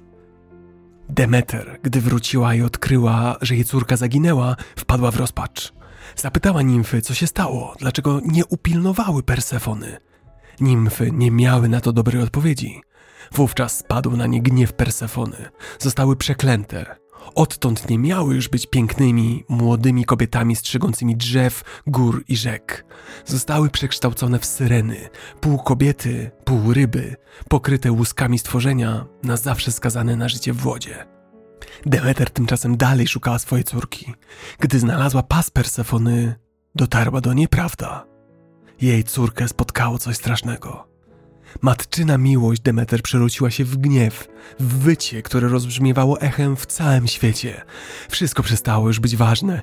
Liczyło się odnalezienie swojej córki, ukochanej córeczki, Persefony.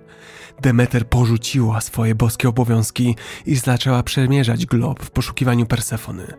Jak pamiętacie, to dzięki jej wiedzy ludzie potrafili uprawiać ziemię, siać zboża i zbierać plony. Jakie były więc skutki nieobecności Persefony? Żniwa nie udały się. Ziemia stała się sucha i jałowa, a wszystkich dotknął okropny głód. Śmiertelnicy, uwikłani w ten boski konflikt, cierpieli, a ich jęki rozpaczy dotarły aż do wzniosłych szczytów Olimpu. Zeus, słysząc błagania swoich poddanych, wiedział, że musi zainterweniować. Król bogów miał do utrzymania delikatną równowagę, boski dylemat do rozwiązania. Wysłał więc Hermesa, boga posłańca, do podziemi, aby ten sprowadził Persefonę z powrotem. Ale świat podziemia nie był taki, jakiego spodziewał się Hermes. Nie zastał tam płaczącej, zniewolonej niewiasty. Zamiast tego ujrzał odmienioną Persefonę, promienną królową, kobietę, która pogodziła się z losem i odnalazła nieoczekiwaną miłość. Hades, Bóg tak często przedstawiany jako bezwzględny i zimny, traktował ją ze zrozumieniem i szacunkiem. Zbudował dla Persefony ogrody, a ona z kolei nauczyła się go kochać, a nawet troszczyła się o dusze zmarłych, zapewniając im pocieszenie i wsparcie. Jest to zaskakujące odkrycie, którego nie mogli przewidzieć nawet bogowie. Kiedy Persefona stanęła przed alternatywą powrotu do matki albo pozostania z Hadesem, znalazła się w rozterce. Jej serce było rozdarte między dwiema miłościami, między matką a mężem. Wyczuwając jej wahanie, Hades w akcie przebiegłości podarował jej owoc granatu. Persefona, nieświadoma konsekwencji, zjadła go i połknęła sześć nasion tegoż granatu. Prosty czyn, poważne konsekwencje. W mitologii greckiej wierzono, że jeśli ktoś zjadł jedzenie dane mu przez porywacza, zawsze powróci do tego porywacza. Hades tym samym przykuł ją do podziemi. Sytuacja na Olimpie tymczasem była napięta. Demeter była zszokowana i wściekła, gdy dowiedziała się, że Persefona od samego początku chce zostać z Hadesem. Dodatkowo oliwy do ognia dolał fakt, że Hades przechytrzył wszystkich, karmiąc Persefonę owocami granatu. To była gorzka pigułka do przełknięcia dla tak opiekuńczej matki. Demeter zagrała wabank. Zagroziła, że dopóki Persefona nie powróci na powierzchnię, nigdy nie zajmie się ziemią, doprowadzi cały świat do zagłady. To był kryzys o niepojętych proporcjach, spór, który mógł przynieść ruinę ludzkości. Zeus, mistrz mediacji, znalazł jednak kompromis. Persefona miała podzielić swój czas równo między Olimp i podziemia. Ale jak zdecydować, w jakich proporcjach ten czas dzielić? Zeus i na to miał pomysł. Ponieważ Persefona zjadła sześć nasion granatu, miała spędzić połowę roku, sześć miesięcy z matką na Olimpie, a drugą połowę z Hadesem w podziemiach. Równowaga została przywrócona, ale jakim kosztem? Ten układ miał nieoczekiwany rezultat. Dał bowiem początek, tak, porom roku. Dotąd cały czas ziemia była nieustannym latem, plonami i zbiorami. Odtąd jednak to się zmieniło. Po sześciu miesiącach plonów i urodzaju, nieustannego kwitnienia kwiatów i słońca, Persefona udawała się do podziemi. Wówczas Demeter popadała w melancholię i odrętwienie. Odstępowała od swoich obowiązków, płakała i czekała na powrót córki.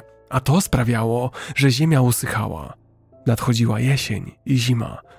Ale kiedy Persefona wracała, w Demeter na nowo rozpalała się chęć życia. Świat ponownie rozkwitał, sygnalizując nadejście wiosny i lata.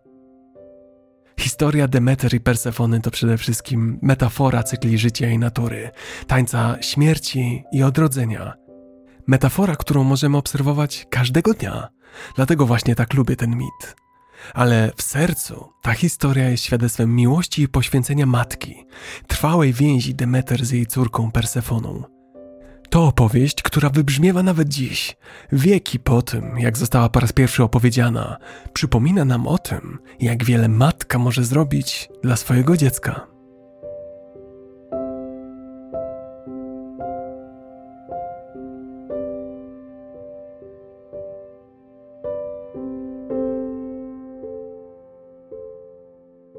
Powoli opuszczamy pradawne krainy mitologii greckiej z jej boskimi ekscesami i heroicznymi eposami. Myślę, że to dobry moment, byśmy pozwolili sobie na chwilę refleksji, na zastanowienie się nad długotrwałym oddźwiękiem tych mitów w naszym współczesnym świecie. Czy, jeśli tak, to w jaki sposób te opowieści sprzed tysiącleci zdołały przetrwać i kształtować nasze myślenie, działanie i twórczość dzisiaj, w obecnych czasach? Przede wszystkim zwróćmy uwagę na nasz codzienny język. Ile razy określaliśmy czyjś czuły punkt jako piętę Achillesa? Czy zdarzało wam się powiedzieć, że ktoś jest bohaterem na miarę Heraklesa? A termin Odyseja stał się synonimem długiego, trudnego podróżowania, a to dzięki opowieści o Odyseuszu. To zdumiewające, jak te starożytne mity zaznaczyły niezatarte ślady w naszym codziennym języku. Lecz to nie wszystko. Mitologia grecka wywarła wpływ na świat sztuki i literatury. Dramatyczne opowieści o bogach, bohaterach i potworach inspirowały niezliczone dzieła sztuki, od malarstwa po rzeźby i literaturę. Od renesansowych artystów, takich jak Michał Anioł i Botticelli, po współczesnych autorów, takich jak J.K. Rowling, urok greckiej mitologii jest wciąż obecny, niezależnie od tego, czy mówimy o obrazie Narodziny Wenus Botticelliego, czy o starciu Harry'ego Pottera z Puszkiem, czyli Cerberem, trzygłowym psem, który strzegł drogi do kamienia filozoficznego. To były jaskrawe przykłady, ale mitologia grecka przeniknęła również do współczesnej kultury w bardziej subtelny sposób. Sposób opisywania i przedstawiania bohatera i jego zmagań.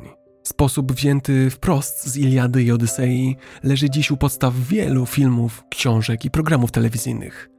Archetyp bohatera tragicznego, zrodzony z greckich tragedii, wciąż urzeka widzów na całym świecie – choćby Gwiezdne Wojny George'a Lucasa, to opowieść o bohaterze i jego podróży, który ma korzenie w epickich poematach Homera. Podobnie jak Odys w Odysei, Luke Skywalker musi przejść całą serię prób i wyzwań, zanim osiągnie ostateczny cel i osiągnie mistrzem Jedi. A bohater tragiczny? To proste. Walter White z Breaking Bad. Jako nauczyciel chemii stał się baronem narkotykowym. Walter miał wielkie ambicje, które doprowadziły go ostatecznie do upadku Jego pycha, chęć zapewnienia bytu rodzinie i własne pragnienie władzy doprowadził go na ścieżkę samozniszczenia, podobnie jak wielu tragicznych bohaterów w greckich tragediach. Oczywiście, zarówno Breaking Bad, jak i Gwiezdne Wojny czerpią inspirację z wielu źródeł i kultur, a nie tylko z mitologii greckiej. Ale to niesłabnące echa greckiej mitologii przypominają nam o ponadczasowym uroku tych opowieści. Przekraczają one kultury i epoki. Przemawiają do nas, poruszając uniwersalne tematy: miłość, strata, władza, odpowiedzialność, bohaterstwo czy pycha. Wyruszając w dalszą część dzisiejszego odcinka, nie zapominajmy, że te mity nie są jedynie reliktami minionej epoki. Są to żywe, oddychające narracje, wplecione w nasze zbiorowe ludzkie doświadczenia. W opowieściach o bogach i potworach, bohaterach i złoczyńcach, każdy z nas może znaleźć odzwierciedlenie naszych własnych zmagań, naszych własnych triumfów, własnej, bardzo ludzkiej podróży. A teraz przewracamy stronę naszej mitologicznej księgi. Przygotujcie się na podróż na zachód przez Morze Jońskie, od kolebki demokracji i filozofii do rodzącego się imperium gotowego rządzić światem. Kultura nie tylko filozofów i poetów, ale także żołnierzy i mężów stanu. Przed nami imperium, które rozciągało się od spalonych słońcem piasków Afryki po mgliste wzgórza Szkocji. Oto wkraczamy w świat Rzymu.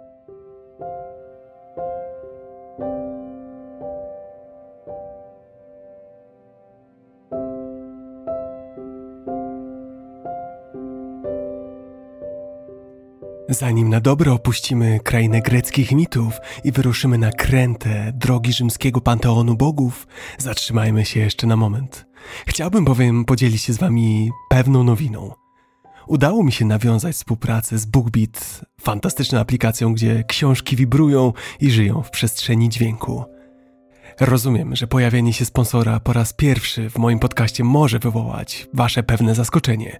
Dlatego zaufajcie mi. Upewniłem się, że to coś więcej niż reklama, a coś, co może naprawdę was zainteresować. Sam od niedawna korzystam z BookBeat do słuchania audiobooków w wolnych chwilach. Kiedyś audiobooków słuchałem ściągając je z internetu na telefon, natomiast w tej chwili jest to łatwiejsze, wygodniejsze. Są do tego aplikacje, takie jak BookBeat. Podobnie jak podcasty, audiobooki to jak otwieranie księgi pełnej historii, niezależnie czy jesteście w podróży, czy też odpoczywacie w domowym zaciszu. Według mnie BookBeat faktycznie ma wartość dodaną. BookBeat, podobnie jak podcasty, pozwala zanurzyć się w głębinach narracji świata audiobooków.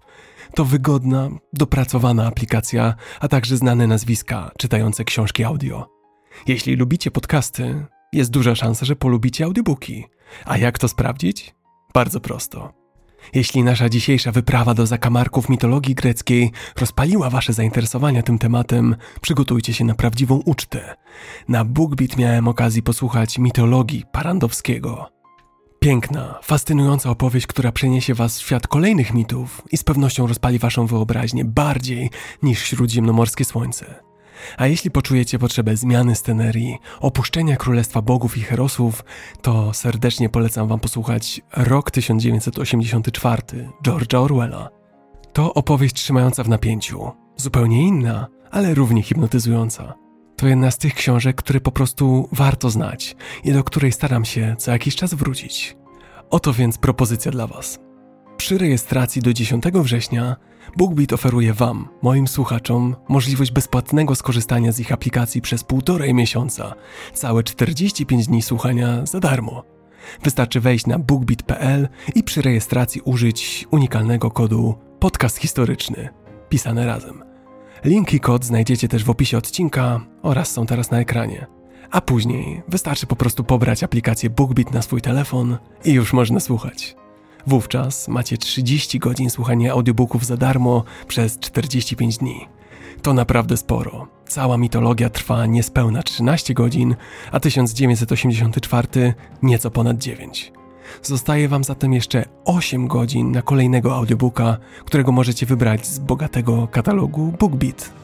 Tak jak wspomniałem, według mnie to naprawdę w porządku układ. 45 dni korzystania i słuchania za darmo. Jeśli się Wam spodoba, fantastycznie. A jeśli nie, wystarczy zrezygnować i wówczas nie tracicie i nie płacicie nic. Więc czemu by nie spróbować audiobooków? A teraz wracamy do naszej magicznej podróży przez zakamarki historii. Opuszczamy panteon greckich bóstw i kierujemy się w stronę tajemniczej mitologii rzymskiej. Jak zawsze, nasza historia to labirynt pełen opowieści, czekających tylko na odkrycie. Ruszajmy zatem.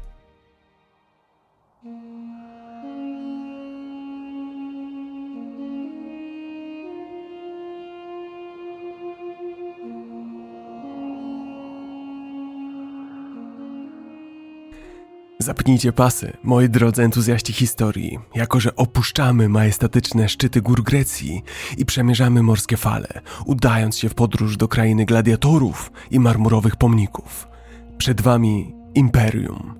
Imperium potężne w swojej rozległości i wpływowe w swoim panowaniu. Tak, kierujemy nasze żagle do krainy Rzymian, cywilizacji, która niegdyś była skromną społecznością rolniczą jeszcze w VIII wieku przed naszą erą, ale która rozkwitła w imperium, które niosło sztandar podboju nad Morzem Śródziemnym i które zapisało się w annałach historii. Pomyślcie o potężnym koloseum, teatrze zmagań, który onieśmielał widzów swoim rozmachem – o publicznych widowiskach, gdzie gladiatorzy i dzikie bestie odprawiały wspólnie taniec śmierci. Wyobraźcie sobie rzymski senat, symbol republiki i debaty, gdzie elokwentni mówcy i przebiegli politycy sterowali polityką, kształtując losy prowincji i narodów. Oto Rzym, siedem wzgórz, wieczne miasto, stojące wysoko i dumnie, a zarazem, a zarazem kuźnia historii i mitologii które urzekają nas tysiąclecia później. Rzym nie został zbudowany w jeden dzień. Jego potęga kwitła od małej osady do mocarstwa rozciągającego się od spieczonych słońcem piasków Afryki po skutę mrozem wzgórza Brytanii. Jego historia sięgała od powstania, dalej przez republikę i jej upadek, przez powstanie imperium, aż do narodzin chrześcijaństwa, które zapoczątkowało nową, ostatnią tak naprawdę jego erę. Rzym był tyglem innowacji, miejscem, gdzie kształtowały się podstawy prawa, architektury, inżynierii, ale też kultury. Dziedzictwo Rzymu jest obecne do dziś, dostrzegalne w naszych instytucjach i urzędach, naszych miastach, naszych językach i tak w naszych opowieściach i narracjach. Kiedy bowiem zagłębiamy się w świat rzymskich bogów, kiedy zaczynamy czytać ich historię, odkrywamy coś niezwykłego. Smakowita mieszanka tego, co znane i tego, co nowe. Panteon bogów i herosów, który odzwierciedla swoje greckie odpowiedniki, ale z wyraźnym łacińskim akcentem. Rzymianie dostrzegli dobrze przetartą ścieżkę greckiej mitologii i postanowili po niej stąpać, ale nie bez odciskania własnych śladów. Zapożyczali, tak, ale również adaptowali, nadawali greckim bogom rzymską wrażliwość, rzymskie cnoty i owijali ich w rzymskie narracje, Przyjrzyjmy się temu zjawisku bliżej.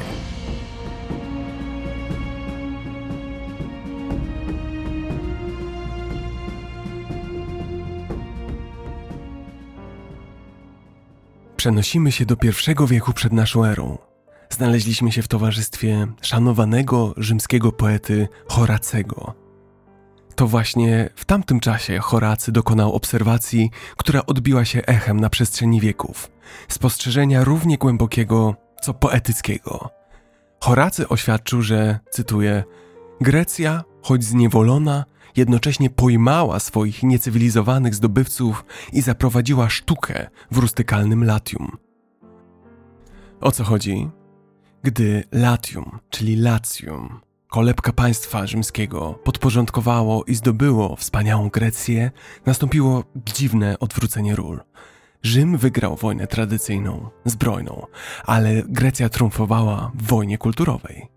Sztuka, kultura i filozoficzne poglądy Greków dotarły do Rzymu, przenikając do duszy tego potężnego imperium. Mówi się wręcz o hellenizacji Rzymu. Ale poza posągami, Poza malowaną ceramiką, poza wielkimi opowieściami wplecionymi w muzykę i literaturę, istniała jeszcze jedna sfera wpływów religia. Greccy bogowie i towarzysząca im mitologia odciskały swoje piętno na rzymskim krajobrazie religijnym. Nie była to nagła inwazja idei. Było to stopniowe przesiąkanie, powolna, miarowa transformacja – Przed Rzymianami Etruskowie również odczuwali wpływ Grecji. Dowody ich fascynacji Helladą można znaleźć w pozostałościach greckiej malowanej ceramiki, którą archeolodzy pieczołowicie odkrywają w etruskich miejscowościach do dziś dzień.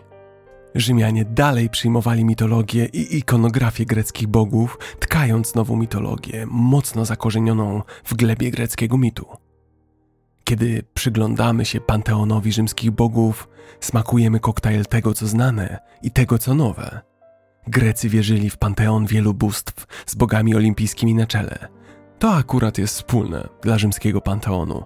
Niemniej jednak Rzym nie przyjął greckiego panteonu takim, jaki był. Rzymianie mieli też własnych bogów, własne tradycje i własne mity. Kiedy napotkali tych greckich, nie odrzucili po prostu swoich starych bóstw na rzecz nowych, nie dokonali takiej prostej zmiany jeden do jednego. Zamiast tego rozpoczęli proces adaptacji, znajdując podobieństwa między swoimi bogami a bogami Greków. Przyjęli mitologię greckich bogów, dostosowując ją jednak do własnych potrzeb kulturowych. Rezultat? Wachlarz bogów, którzy byli rzymscy z nazwy i ducha, ale z korzeniami mocno osadzonymi w mitologii greckiej. Trudno się temu tak naprawdę dziwić. Rzymianie mieli przecież własną strukturę społeczną, polityczną czy ideologiczną, strukturę, która różniła się od tej greckiej, od hellenistycznego królestwa macedońskich czy greckich miast państw. Dlatego Rzymianie potrzebowali bogów, którzy odzwierciedlaliby ich własne potrzeby, własne poglądy, własne rzymskie charaktery. Dobrym przykładem jest transformacja boga wojny, podczas gdy Grecy czcili Atenę, boginię mądrości i strategicznych działań wojennych, i postrzegali Aresa jako ucieleśnienie brutalnych i destrukcyjnych aspektów wojny, to Rzymianie mieli inną perspektywę. Dla nich Mars, rzymski odpowiednik Aresa, stał się bardzo szanowanym bóstwem, absorbującym strategiczne cechy Ateny i odzwierciedlającym nie destrukcję i brutalność, ale ducha walki. Ducha walki, który leżał u podstaw rzymskiego społeczeństwa. Atena zaś stała się Minerwą w rzymskim panteonie, również związaną z mądrością i wojną, ale dodatkowo kojarzoną ze sztuką i rzemiosłem. To odzwierciedlało szacunek Rzymian dla tych dziedzin. I teraz odpowiedzmy na jedno intrygujące pytanie. Dlaczego greccy i rzymscy bogowie mieli różne imiona?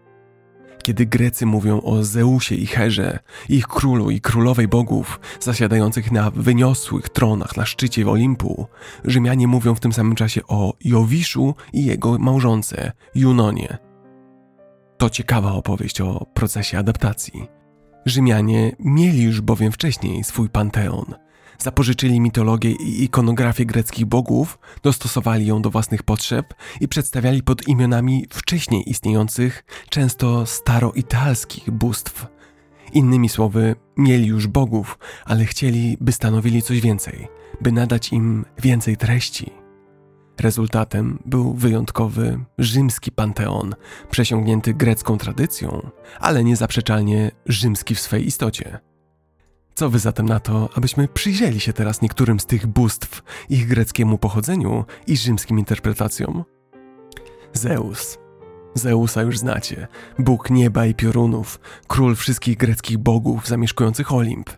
Zeus znalazł swoje rzymskie alter ego w Jowiszu. Jowisz, król bogów, dzierży w dłoni piorun, symbolizujący jego niewzruszoną moc i władzę nad niebiosami. Oba te bóstwa, Zeus i Jowisz, dojrzałe i władcze, przybywające na niebie, budziły szacunek i poważanie.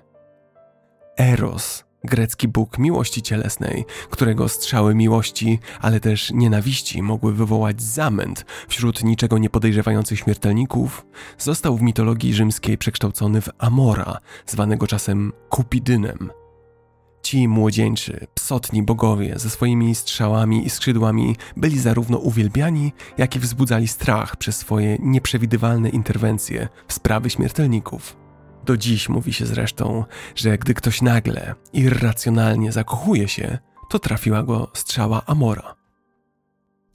Posejdon, grecki bóg morza, został przybrany przez Rzymian pod imieniem Neptuna – Oba te bóstwa, zamieszkujące gdzieś burzliwe głębiny, z muskularnymi ramionami, gęstymi brodami i trójzębem w ręku, reprezentowały potężną i nieprzewidywalną moc morza. Afrodyta, grecka bogini miłości, piękna i małżeństwa, znalazła swój rzymski odpowiednik w Wenus, niewiaście o niewiarygodnym pięknie i zmysłowej elegancji, bogini związanej również z płodnością i roślinnością, a także uprawami. To odzwierciedlało rolnicze korzenie Rzymian. Hera, grecka bogini małżeństwa, kobiet i rodziny, została przekształcona w Junonę w mitologii rzymskiej – Junona z jej nieodpartym czarem i majestatem jest wiecznym strażnikiem małżeństwa i kobiet. I owszem, obie te panie, obie królowe bogów musiały zmagać się z niewiernością swoich mężów, odpowiednio Zeusa i Jowisza.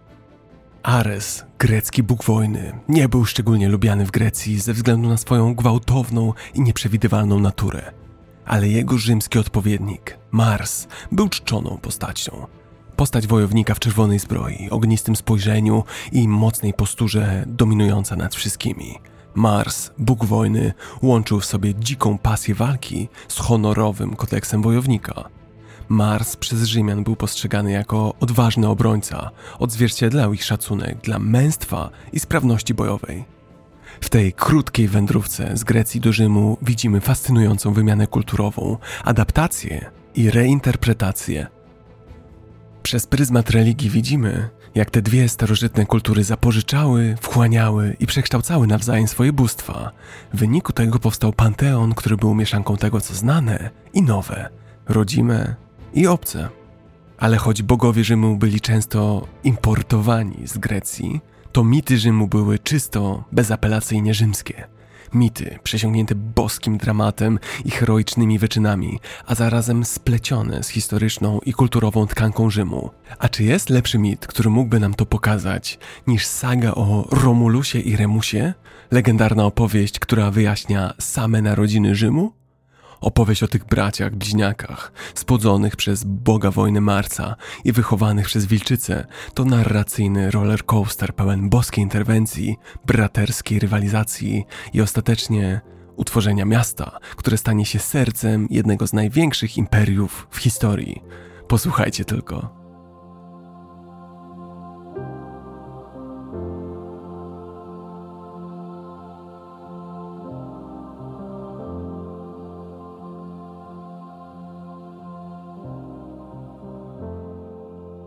Moi mili, zabieram was teraz w podróż do czasów pradawnych, do samego początku historii wiecznego miasta Rzym. Przygotujcie się na zanurzenie w opowieści pełnej emocji, w której napotkamy polityczne intrygi, niebiańskie interwencje, braterską rywalizację i wojny. Będzie to historia o Romulusie i Remusie, braciach bliźniakach, których losy są nierozerwalnie związane z Rzymem. Mieszkańcy Rzymu darzą swojego założyciela Romulusa głębokim szacunkiem. Jest to postać niemal sakralna, mimo że na jego rękach jest krew brata, Remusa. Nie umniejsza to jednak jego reputacji. Wprost przeciwnie, mit Romulusa i Remusa jest fundamentem, na którym Rzymianie budują swoją tożsamość. To przez pryzmat tej opowieści postrzegają oni rzeczywistość, formują swoje wartości, nie wiem jak dla Was, ale dla mnie jest coś fascynującego w sięganiu bardzo daleko w historii, w poszukiwaniu początków, w poszukiwaniu pochodzenia rzeczy. Nigdy nie wiadomo, czy to, co właśnie odkryliśmy, jest właściwą odpowiedzią, czy tylko tropem. Podobnie ten mit, mit o początku Rzymu, nie ma tylko jednej wersji. To trochę jak odkopywanie ruin starożytnego miasta. Warstwy nakładają się na warstwy, a każda z nich ma swoją własną historię. Można zacząć badanie tego mitu od wczesnego kultu wilków, reprezentującego jakąś pierwotną siłę, aż czasem przekształcającego się w mit, który dał początek wielkiemu miastu Rzym. A ci z Was, którzy zdecydują się oddać archeologicznej pasji, odkryją ślady świątyni poświęconej tym braciom, Romulusowi i Remusowi. Pierwsi wyznawcy organizowali ceremonie, a nawet festiwale, takie jak Lupercalia na ich cześć. To wszystko wciąż poszlaki, ale wiemy jedno. Historię Romulusa i Remusa, jaka do nas dociera sprzed wieków, można łatwo pomylić z tragedią żywcem wyjętą z klasycznego, dobrego dramatu. Ich rodowód jest tak doniosły, jak dramatyczny. Ich ojcem był Mars, rzymski bóg wojny, a matką księżniczka Rea Sylwia. Jej brat, Amulius, żonny władzy, przyjmuje tron najważniejszej osady Latium, legendarnej Alba Longi. Rea Sylwia zostaje zaś zmuszona do zostania westalką, aby pozbawić ją nadziei na posiadanie potomstwa, potomstwa, które mogłoby Amuliusa obalić. Amulius wiedział, co robi. Westalki składały śluby czystości i musiały zachować dziewictwo. Ale jak to w dramatach, nieobliczalność ludzkich uczuć i losu pokrzyżowała jego plany. Za sprawą Marsa, boga wojny, Rea Sylwia zachodzi w ciążę, bliźniaczą ciążę. Kiedy sekret narodzin Romulusa i Remusa wyszedł na jaw, Amulius postanowił przekreślić ich losy, zanim jeszcze zaczęły się rozwijać. Rozkazał utopić dzieci w Tybrze. Lecz nawet w tych mrocznych czasach serce człowieka potrafiło bić z miłości. Służący, który miał wykonać ten okrutny rozkaz, wybrał jednak miłosierdzie. Bliźnięta zostały wrzucone na falę Tybru, przerażone, płaczące, ale żywe. Popłyńmy zatem z maleńkimi bliźniakami poprzez Tyber. Przed wami roztacza się krajobraz dawnej Italii, a w jej sercu rwąca rzeka. To tutaj, na brzegach Tybru, rozegrał się cud. Było to miejsce, gdzie natura rządziła się swoimi prawami, gdzie z pozoru dzika bestia, wilczyca, odnajduje dwóch noworodków zaniedbanych, wyziębionych na skraju śmierci. Ale ta dzika bestia, wbrew oczekiwaniom natury, okazuje się być opiekunką, nie drapieżnicą. To ona staje się matką Romulusa i Remusa. Pod jej czujnym okiem bracia zaczynają dorastać. Są karmieni przez wilczycę, która obdarza ich miłością godną prawdziwej matki. To dzięki niej przeżywają, a potem rosną w siłę, zdobywając umiejętności, które będą im potrzebne w późniejszym życiu. Niedługo potem na scenie zjawia się kolejna postać pasterz o imieniu Faustulus. On również odkrywa w sobie rodzicielski instynkt, wspomagając wilczycę w opiece nad chłopcami. To pod jego okiem, już jako młodzieńcy, Romulus i Remus uczą się męskich obowiązków i hartują charaktery. Lata mijają, bracia dorastają nieświadomi swojego królewskiego pochodzenia, uczą się życia w dzikim świecie, zrozumienia natury i ludzkiej solidarności. Czy to właśnie te lata spędzone pod opieką wilczycy i pasterza, te lata wolności i surowości ukształtowały ich charaktery na przyszłych władców i twórców miasta Rzym? Tymczasem Amulius, przebiegły i żonny uzurpator, wierzył, że skutecznie zdusił wszelkie zagrożenie dla swojego reżimu. Relegował przecież Re Sylwię do roli Westalki, rzekomo usunął również zagrożenie w postaci bliźniąt. Ale niewidzialne nici przeznaczenia spleciono inaczej. Napięcie w powietrzu było wyczuwalne, kiedy bracia wkroczyli na arenę polityki Alba Longa. Ich męstwo, spryt i pragnienie sprawiedliwości pchnęły ich ku obaleniu Amuliusa i przywrócenia tronu ich dziadkowi, Numitorowi. W tym dramatycznym zwrocie akcji widzimy, jak połączenie rodzinnych więzów, honoru i ducha walki pokazało prawdziwą siłę, jaką posiadała ta niezwykła dwójka. Dwójka, która później miała założyć jedno z najwspanialszych miast w historii ludzkości. Kierując się w głąb tego do tej pory optymistycznego mitu, trafiamy jednak na ciemność. Oto jeden z najbardziej dramatycznych momentów w historii miasta, które stało się echem wieczności. Romulus i Remus, bliźniacze dusze, które razem przetrwały trudy wychowania w dzikiej przyrodzie pod okiem matczynie nastawionej wilczycy, nagle stanęły naprzeciwko siebie w splocie ambicji i wizji nie do pogodzenia – Napięcie wzrastało, a bracia nie mogli dojść do porozumienia co do lokalizacji nowego miasta. Romulus upierał się przy wzgórzu Palatyn, podczas gdy Remus preferował wzgórze Aventyn. Jak to często bywa w historii, braterskie więzy stały się napięte w obliczu władzy i ambicji. Feralnego dnia Remus, chcąc ukazać słabość obronnych murów wybudowanych przez Romulusa, pogardliwie je przeskoczył – Był to akt kpiny, który Romulus odebrał jednak jako najwyższą zdradę. W afekcie, napełniony gniewem i urażoną dumą, Romulus podjął fatalną decyzję.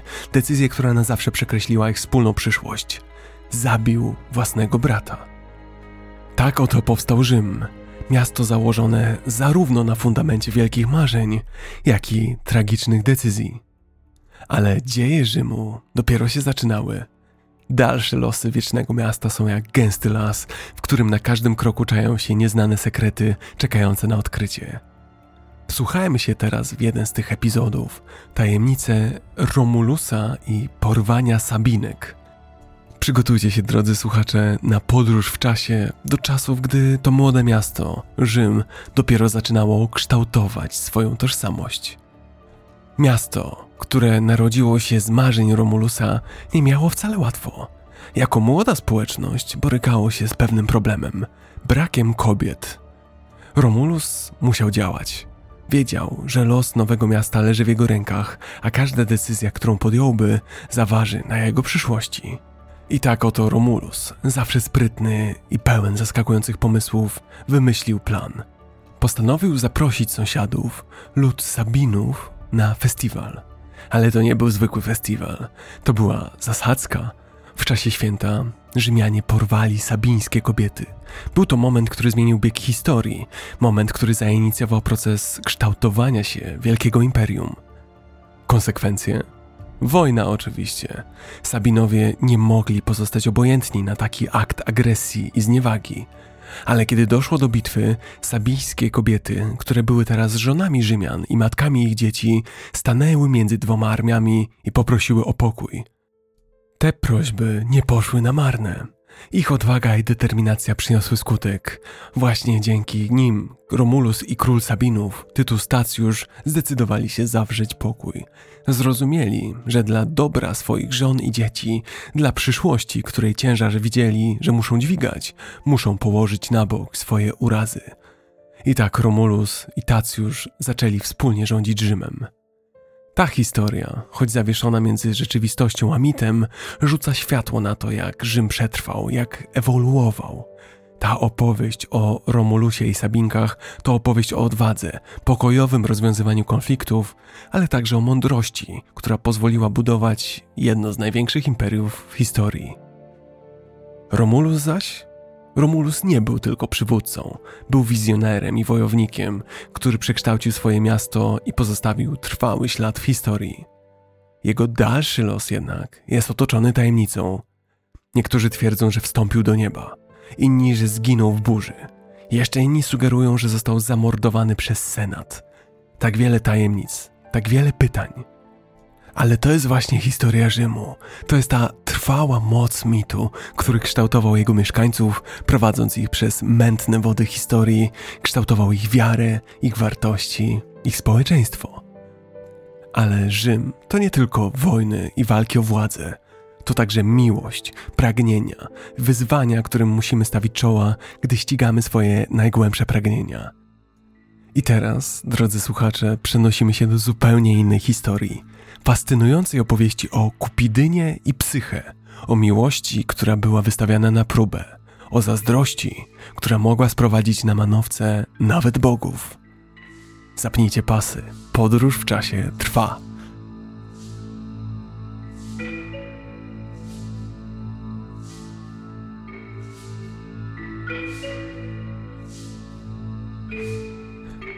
Pozwólcie, że przygotuję scenę na opowieść, która ujrzała światło dzienne w II wieku naszej ery. Opowieść utrwaloną na kartach słynnego rzymskiego dzieła Metamorfozy, pióra niezrównanego Apulejusza.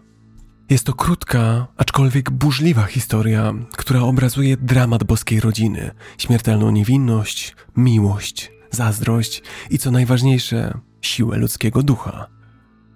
Opowieść o Kupidynie i Psyche jest przede wszystkim związana z mitologią rzymską.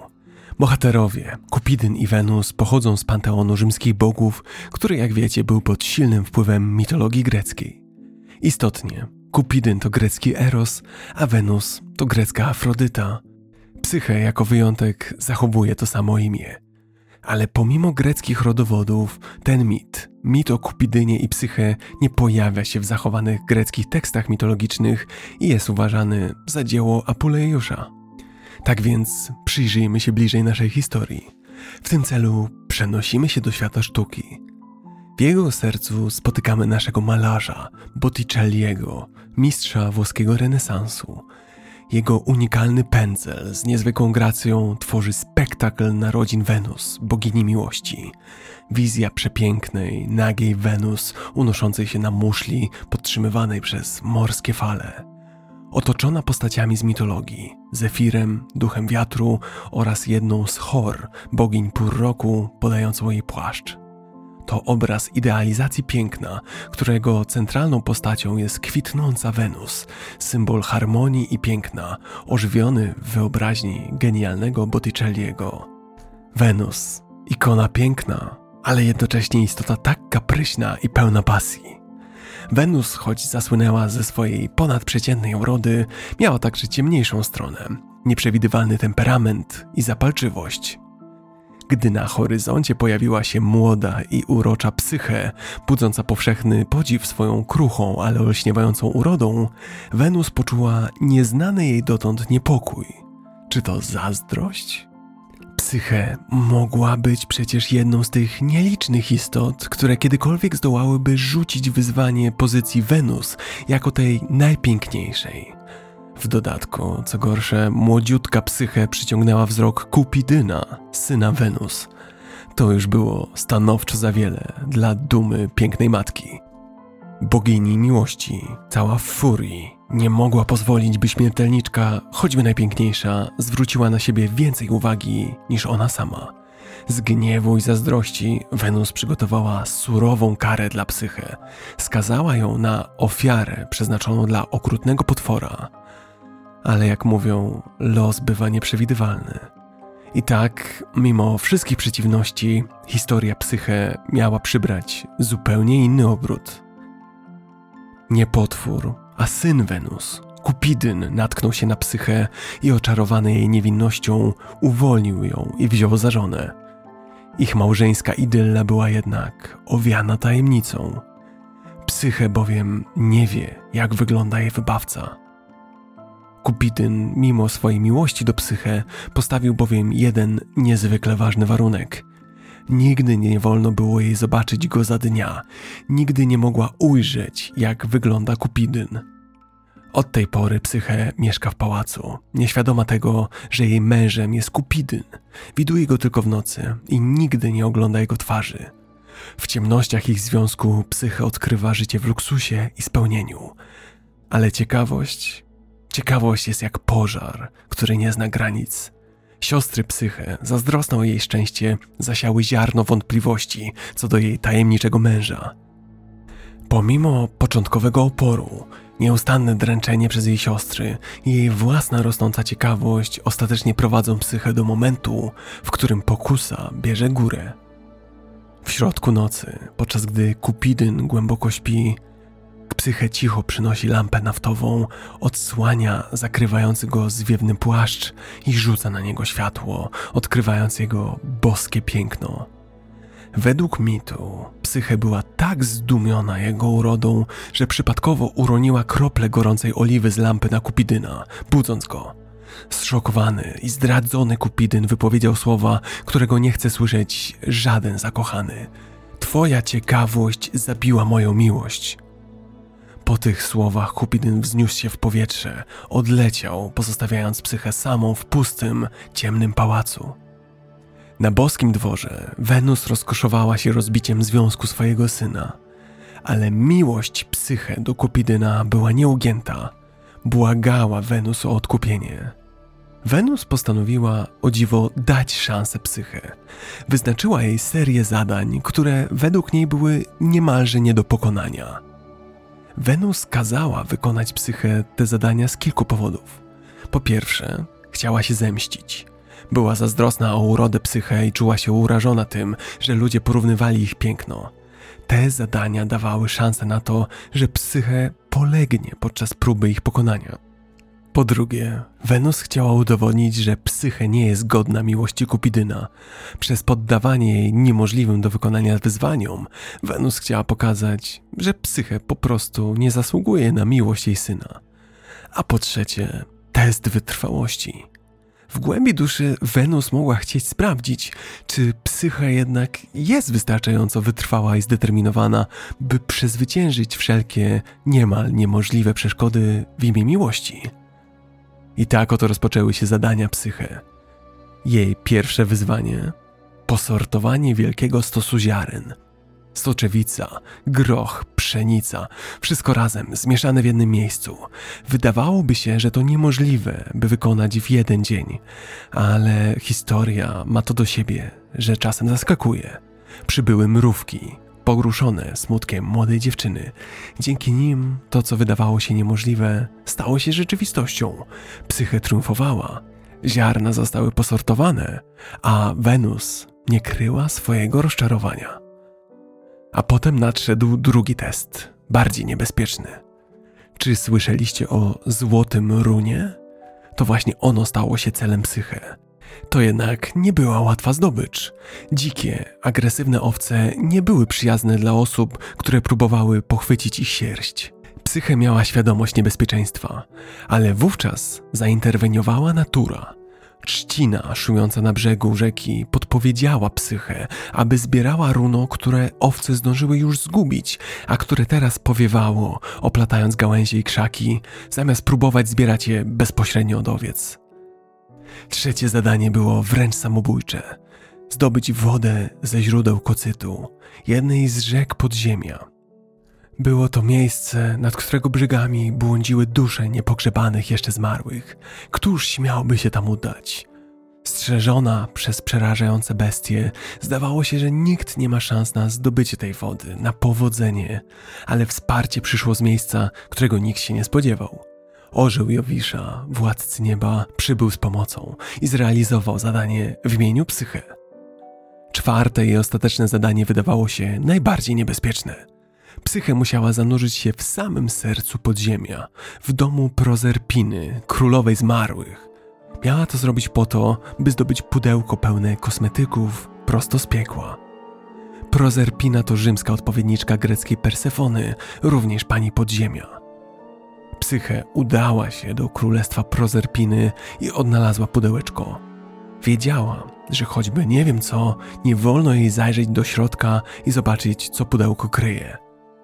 Psyche zdołała zdobyć kosmetyki i powrócić, ale pokusa otwarcia pudełka była zbyt wielka. Kiedy tylko zajrzała do wnętrza, nie ujrzała nic. Przestrzeń zdawała się być pusta, niemal echem z zaświatów. Wtem z pudełka zaczęły wydobywać się lekkie, zwiewne opary, a psyche, niczego nie spodziewając się, wzięła głęboki oddech. Opary te były podstępną sztuczką prozerpiny, zdradzieckim powiewem z podziemi, zabójczą mgłą. Gdy przedostały się do jej płuc, psyche zaczęła czuć, jak życie ją opuszcza. Upadła na ziemię jak marionetka, której nagle przerwano nici, niemal martwa. Jej ciało pokryło się lodowatym potem. Ale nasza historia nie może zakończyć się tak tragicznie. Kupidyn błagał Jowisza o interwencję. Władca bogów zgodził się, a psyche, wyzwolona od snu śmierci, została zwolniona z dalszych prób i przyjęta w grono nieśmiertelnych, stając się prawowitą żoną Kupidyna. Wenus, po długim czasie również zaakceptowała swoją synową. Można by nawet powiedzieć, że znalazła dla niej miejsce w swoim sercu, że pragnęła zapomnieć o poprzednich sporach. I tak prezentuje się opowieść, która łączy w sobie elementy boskiej zazdrości, ludzkiej ciekawości, prób wytrzymałości i ostatecznie triumfu miłości. Historia Kupidyna i Psyche, prawdziwie ponadczasowa narracja. A teraz, opuszczając porywającą opowieść o Kupidynie i Psyche oraz zamykając wątek mitologii rzymskiej, pozwólcie, że zbadamy jej szerszy wpływ. Odkryjmy, jak zręcznie splatały się te mity z codziennym życiem rzymskiego społeczeństwa, jak wpływały na jego prawa, tradycje i styl życia. Zbadajmy, jak mitologia rzymska ukształtowała samo serce cywilizacji rzymskiej. I obiecuję Wam, że jej wpływ jest o wiele większy niż moglibyście się spodziewać.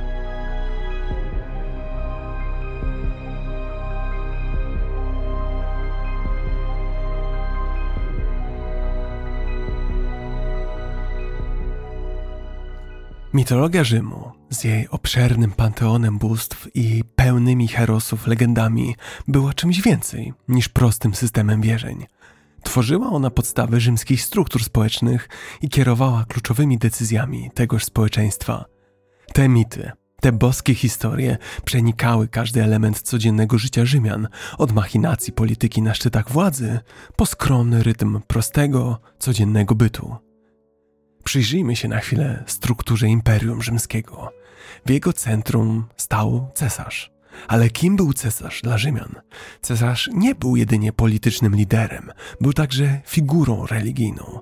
Cesarz był swego rodzaju emanacją boskości, odzwierciedleniem bóstwa Jowisza, najwyższego w panteonie rzymskim. Senat rzymski przy podejmowaniu decyzji często zwracał się zaś do wróżb i rytuałów, szukając woli bogów. Jak to możliwe, że tak racjonalni ludzie szukali porad u kapłanów i wróżbitów? To proste. Dla nich wola bogów była esencją każdej ziemskiej decyzji. Ta mieszanka religii, polityki i mitologii wyznaczała strukturę rzymskiego imperium. Weźmy teraz na tapet rzymskie wojsko, instytucję będącą filarem imperium, stalowe pięści cesarstwa, które zdobywały i utrzymywały prowincje. Wojsko było przesycone mitologią i rytuałami. Mars, bóg wojny, bywał żarliwie przywoływany przed bitwami, a auspicje, czyli wróżby bazujące na układzie lotu ptaków, wyznaczały czas rozpoczęcia walki. Także tutaj obserwujemy, jak mitologia miała wpływ na decyzje związane z życiem i śmiercią. Mity przenikały również do codziennego życia prostych Rzymian – Uważano, że domowe bóstwa, zwane larami, strzegą domu i ogniska. Westa, bogini ogniska domowego, miała zaś w swojej świątyni wieczny ogień, ogień, który nigdy nie mógł zagasnąć. Wierzono, że bóstwa i duchy strzegą każdego aspektu codziennego życia, od sadzenia roślin do pieczenia chleba. Zwiedzając Rzym, nawet po upadku cesarstwa, natknęlibyśmy się zaś na monumentalne struktury, świątynie, łoki triumfalne, kolumny. Te konstrukcje w każdym szczególe wyrażały hołd dla bogów i bohaterów. Były one stałym przypomnieniem o wszechobecności mitologii w życiu Rzymian. Widzimy więc, że mity nie były jedynie opowieściami dla rozrywki. Były one soczewką, przez którą Rzymianie postrzegali świat – fundamentem, na którym budowali swoje imperium. Te echa przeszłości nadal odbijają się w naszych czasach, przypominając nam o cywilizacji, która w swoim wspaniałym i skomplikowanym świecie była głęboko zakorzeniona w boskich opowieściach. Żegnając się ze wspaniałością Rzymu, zabierzmy proszę ze sobą zrozumienie, że nasze historie, nasze mity mają niezwykłą moc, kształtują nas, prowadzą nas, definiują nas i łączą nas z przyszłością, pokazują nam drogę do domu, gdy wypływamy na dalekie, niezbadane wody przyszłości. A skoro jesteśmy przy wypływaniu na nowe wody, po drugiej stronie Morza Śródziemnego, dalej na wschód znajduje się Ziemia, która w pewnym sensie jest matką wszystkich cywilizacji. Kraj, gdzie rzeki tak potężne jak Tygrys i Eufrat nie tylko kształtowały krajobraz, ale także losy i dążenia ludzi. Tak, moi mili, zbliżamy się do świata, który zapiera dech w piersiach, pełnego tajemnic, pełnego zagadek. Mówimy o Mezopotamii, kolebce naszej cywilizacji, miejscu, gdzie historia ludzkości zaczęła się przed tysiącami lat. Zanim Rzym i Grecja wzniosły swoje majestatyczne świątynie, Mezopotamia już kwitła, tkając bogaty gobelin bogów, legend i eposów. Była to kultura, która przetrwała nie tylko upływ czasu, ale też liczne, zmienne okoliczności historyczne i geograficzne. Zanurzmy się więc w te nieznane wody, gdzie mity Mezopotamii czekają, by opowiedzieć swoje historie. Są one tak różne od tych, które znamy z greckiego czy rzymskiego panteonu, ale równie fascynujące i wciągające. Czekam z niecierpliwością, by odkryć je razem z Wami i postawić je obok naszych znanych opowieści i zastanowić się, jak te światy oddziaływały na siebie. Zapraszam Was zatem. Oto opuszczamy Italię i zmierzamy ku przodkom naszej cywilizacji, ku ziemiom żyznego półksiężyca.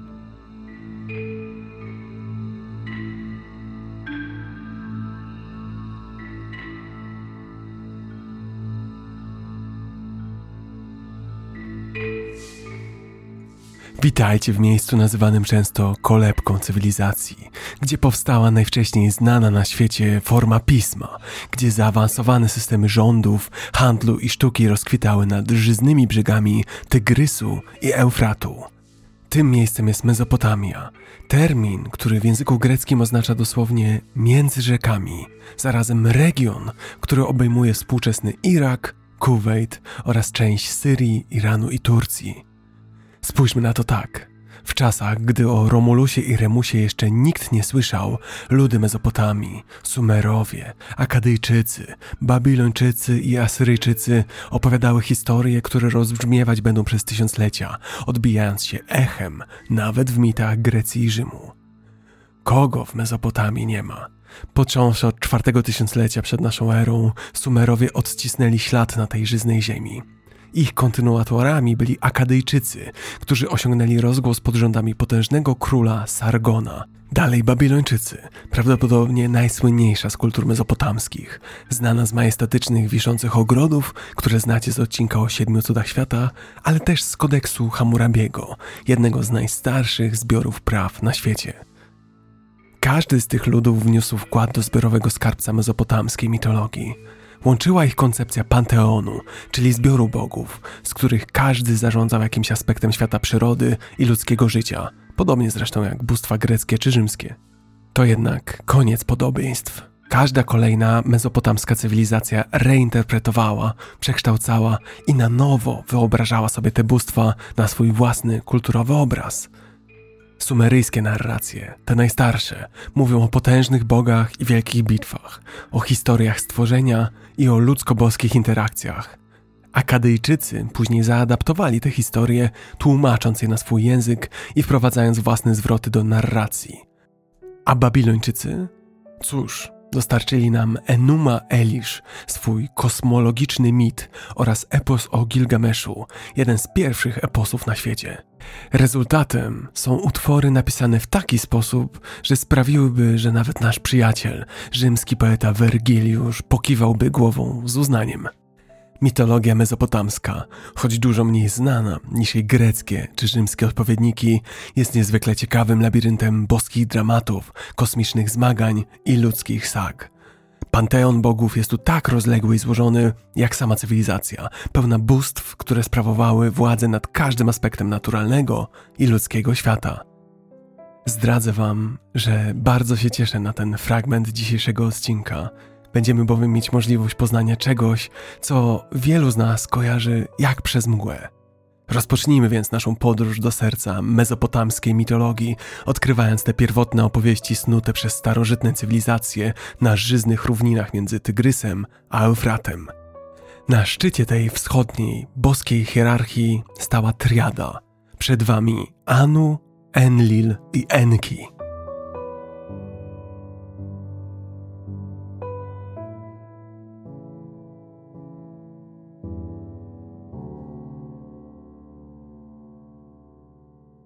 Świat mezopotamskiej mitologii jest tak rozległy, jak rozległy jest obszar między dwiema rzekami, Tygrysem i Eufratem. Duchowym sercem tego mistycznego krajobrazu i najważniejszymi przedstawicielami jest zaś boska triada Anu, Enlil i Enki.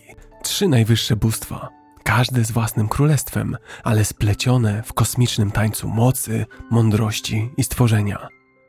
Opowieść o tej boskiej trójcy oferuje wgląd w duchowy etos najstarszej znanej cywilizacji na świecie. Anu, Bóg nieba, postać pełna majestatu i chwały, jego obecność tak nieskończona jak niebo, którym rządzi. Jego królestwo jest tak odległe, a jednocześnie tak wszechobecne. Uważany za ojca bogów i ludzi, autorytet Anu jest ostateczny, a jego decyzje niepodważalne. Anu jest najczęściej reprezentowany w ikonografii po prostu przez koronę, czasem koronę na tronie symbolizującą jego status boskiego króla. Jednak jego władza nie zawsze jest bezpośrednia, często przejawia się poprzez jego potomstwo. Prawdziwe oblicze Anu pozostaje tak enigmatyczne, jak odległy jest kosmos. Królestwo, które rozciąga się nieskończenie w każdym kierunku, a jednocześnie jest ściśle związane z każdą istotą znajdującą się pod nim – Postać Anu jest eteryczna, niematerialna, bardziej odczuwalna niż widzialna. Chcecie zrozumieć, jak Mezopotamczycy pojmowali Anu, Boga Nieba?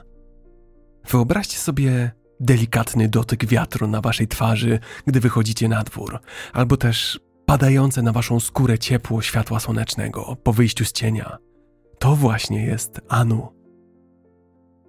Enlil, Bóg powietrza, ziemi i burz, jest synem i spadkobiercą Anu. Wyobrażajcie go sobie nie jako spokojny zefir, ale jako nieokiełznaną siłę wichury, drżenie ziemi, potęgę burzy, podmuchy wiatru. To wszystko materializuje się we wcieleniu Enlila. Enlil jest postacią władczą, jego aura pulsuje surową mocą. Stoi wysoki, silny, surowym wyrazem twarzy – Trzyma tablicę przeznaczenia, boski dokument, który daje władzę nad kosmosem i decyduje o losie wszystkich ludzi. Jego słowo jest prawem, jego rozkaz przeznaczeniem. Szept wiatru, wściekłość burzy, drżenie ziemi wszystko to opatrzone jest podpisem Enlila. Może on ustanawiać królów, decydować o bitwach i kontrolować pory roku. Jego moc, choć niezwykle potężna, bywa przerażająco destrukcyjna. Znajduje to odzwierciedlenie w mezopotamskim micie o potopie, w którym to Enlil postanawia zniszczyć ludzkość z powodu jej ciągłej hałaśliwości. W tej boskiej triadzie jednak istnieje przeciwwaga, bóstwo, które jest głęboko empatyczne dla ludzi. Oto Enki, Bóg wody, mądrości, magii i stworzenia. Bóstwo, które jest przyjacielem, obrońcą, ale czasem zwodzicielem. Enki nie jest jedynie spokojnymi wodami łagodnego jeziora. Jest on także głęboką tonią oceanu, rwącym nurtem rzeki, życiodajnym deszczem zstępującym z niebios. Istota, która łączy siłę z wiedzą, moc z głębią. Można przedstawić Enkiego jako starszą, brodatą postać, której zmarszczki na twarzy świadczą o mądrości, a której oczy błyszczą głęboką wiedzą. Trzyma naczynie z wodą, symbol obfitości, życia i kreatywności. Aparycja Enkiego jest tak samo płynna jak woda. Stale się zmienia, stale się dostosowuje, odzwierciedla nieustanny strumień życia. Jego postać emanuje tajemniczym spokojem i głębią, podobnie jak woda, którą rządzi. Jego domeną jest wodna otchłań znana jako Abzu, miejsce surowego, twórczego potencjału. W mezopotamskiej narracji Enki często pełni rolę mediatora rozwiązującego problemy. Kiedy Enlil zdecydował się na eksterminację ludzkości, to właśnie Enki sprzeciwił się jego decyzji i uratował nas. Opowieści o Anu, Enlil i Enkim, boskiej triadzie mitologii mezopotamskiej, ukazują istotną prawdę – że bogowie nie istnieli w próżni, oddzieleni od ludzkości i świata przyrody. Zamiast tego byli integralną częścią otaczającego nas świata, wpływając na niego i jednocześnie będąc pod jego wpływem. Niezależnie od tego, czy to niebiańska wielkość Anu, nieokiełznana moc burz Enlila, czy głęboka mądrość i kreatywność wód Enkiego, bogowie ci odzwierciedlają spektrum sił, które kształtowały życie w starożytnej Mezopotamii. I ostatecznie bogowie Mezopotamii, podobnie jak sama kraina, są świadectwem tańca między człowiekiem, naturą i boskością. Tańca, który wciąż odbija się echem przez tysiąclecia, opowiadając historię tak starą jak sama cywilizacja. A wszystkie te bóstwa, ich dynamika, kłótnie i sojusze, ich wpływ na świat przyrody i ludzkie życie, wszystko to ożywa w niesamowitej narracji zwanej Enuma Elish – mezopotamski epos, który opowiada nam o samym stworzeniu świata. Jeśli więc jesteście gotowi wyruszyć w podróż przez chaos, konflikt i stworzenie, przewróćmy karty dzisiejszej opowieści. Pierwsze wersety Enuma Elish brzmią Kiedy na górze. Wznieśmy się zatem na te wyżyny i poznajmy sagę pierwszych mieszkańców starożytnej Mezopotamii. Oto opowieść o początku świata, jakiej na pewno nie znacie.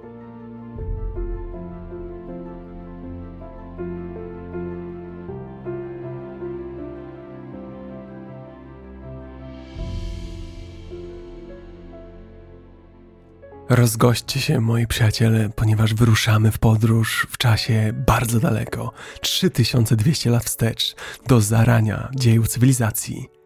Wyobraźcie sobie, że siedzimy przy płonącym ognisku, pośród mroku mezopotamskiej nocy, otoczeni migotaniem tysiąca gwiazd. A to, co rozgrywa się przed nami, jest opowieścią tak znaczącą, że zapisano ją nie na papirusie czy pergaminie, ale w samych fundamentach cywilizacji, w glinianych tabliczkach. Jest to opowieść o bogach i potworach, o chaosie i porządku, opowieść o samym stworzeniu Enuma Elish. Po raz pierwszy z Enuma Elish spotykamy się w rozproszonych stanowiskach archeologicznych w Mezopotamii, gdzie tabliczki z pismem klinowym szepczą opowieści o dawno minionych wiekach. Ashur, Kisz, Niniwa, Sultan Tepe, nazwy, które padają z ust niczym tajemnica łącząca historię z teraźniejszością.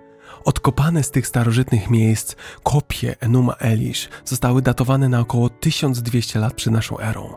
To już bardzo odległy czas, ale mamy powody przypuszczać, że to kopie, które są jedynie odbiciem bardziej starożytnego tekstu, tekstu powstałego na długo przed Hammurabim, wielkim królem Babilonu. Jak stary to tekst? Możemy tylko zgadywać. Ale dość już wstępu. Zanurzmy się w samą narrację. Zaczynamy od samego początku, mglistego, pradawnego czasu, samego zarania cywilizacji, kiedy nie istniały żadne nazwy odróżniające niebo od ziemi, od pierwotnej zupy stworzenia. Z niej wyłania się Apsu, ucieleśnienie słodkiej, orzeźwiającej wody. Nie jest to żaden potężny, muskularny Bóg. Apsu jest bardziej obecnością niż personifikacją. Jest głębią, podziemną wodą. Jest ostatecznym źródłem, pierwotną istotą, z której wywodzi się całe życie. Starożytni nie zostawili nam fizycznego opisu, bo dla nich Apsu nie był Bogiem, którego można było zobaczyć.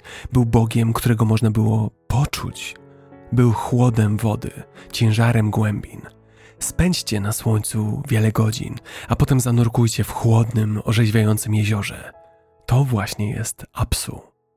Ale Apsu nie był sam. Tiamat jest słonowodnym odpowiednikiem Apsu. Jest matką wszystkich bogów i osabia chaotyczną, niszczycielską moc morza. Największe, najbardziej okrutne stworzenie morskie, jakie można sobie wyobrazić. Kraken, tylko że straszniejszy. Oto właśnie Tiamat. Niektóre mity opisują ją jako smoka, inne jako węża morskiego. Zawsze jednak jest ogromna i przerażająca. Tiamat jest siłą natury, jest rozbijającymi się falami, siłą przypływu, bezlitosną tonią oceanu. Do Apsu i Tiamat dołącza Mummu. Mummu to interesujący przypadek. Jego opisy są jeszcze bardziej niejednoznaczne niż opisy Apsu czy Tiamat. Mummu jest często kojarzony z mgłą, ale jest też opisywany jako rzemieślnik, bóg mądrości. Jak wyobrazić sobie takie bóstwo? Pomyślmy o chłodnym, wczesnym poranku nad rzeką Eufrat. Świat dookoła jest cichy, a nad powierzchnią wody unosi się mleczna mgła. Jest tak gęsta, że ledwie można dostrzec swoją dłoń przed oczami. Zanurzamy się w nią, czujemy jej wilgotne, chłodne dotknięcie na skórze. Słyszymy cichy szept niewiadomej. To jest mummu, welon mgły, który zasłania znany nam świat, Bóg, który jest ucieleśnieniem tajemnicy i nieznanego. Tak właśnie zaczął się świat. Poza Apsu, Tiamat i Mummu nie było gór, nie było pastwisk, ani nawet jednego trzcinowiska, które mogłoby zakłócić wodną przestrzeń. Z tego pierwotnego związku dopiero rodzili się bogowie, jeden po drugim, aż wyłonił się Ea. Ea był bogiem rzek i najsprytniejszym z nich. Pierwowzorem Ea był sumeryjski bóg Enki. Jednak Mezopotamia, nawet w swojej wczesnej formie, nie była miejscem spokojnym. Z każdym kolejnym bogiem narastający hałas i zgiełk zakłócał niezmącony spokój Apsu. Coś, co niegdyś było królestwem harmonii, stało się areną zgiełku. W pewnej chwili Apsu, wykończony wiecznym hałasem, postanowił zniszczyć to wrzaskliwe święto życia. Ale Ea, nim to nastąpiło, w akcie heroicznej odwagi zgładził Apsu. Ten akt zniszczenia nie pozostał jednak bez echa. Tiamat, bogini matka, bogini, która niegdyś była opiekunką młodszych bóstw, teraz była ogarnięta rządzą zemsty. Zgromadziła armię potworów i smoków. Jej wybór na dowódcę był jasny. Kingu, bóg o aurze tak potężnej, że samym swoim wyglądem mógł zastraszyć wrogów.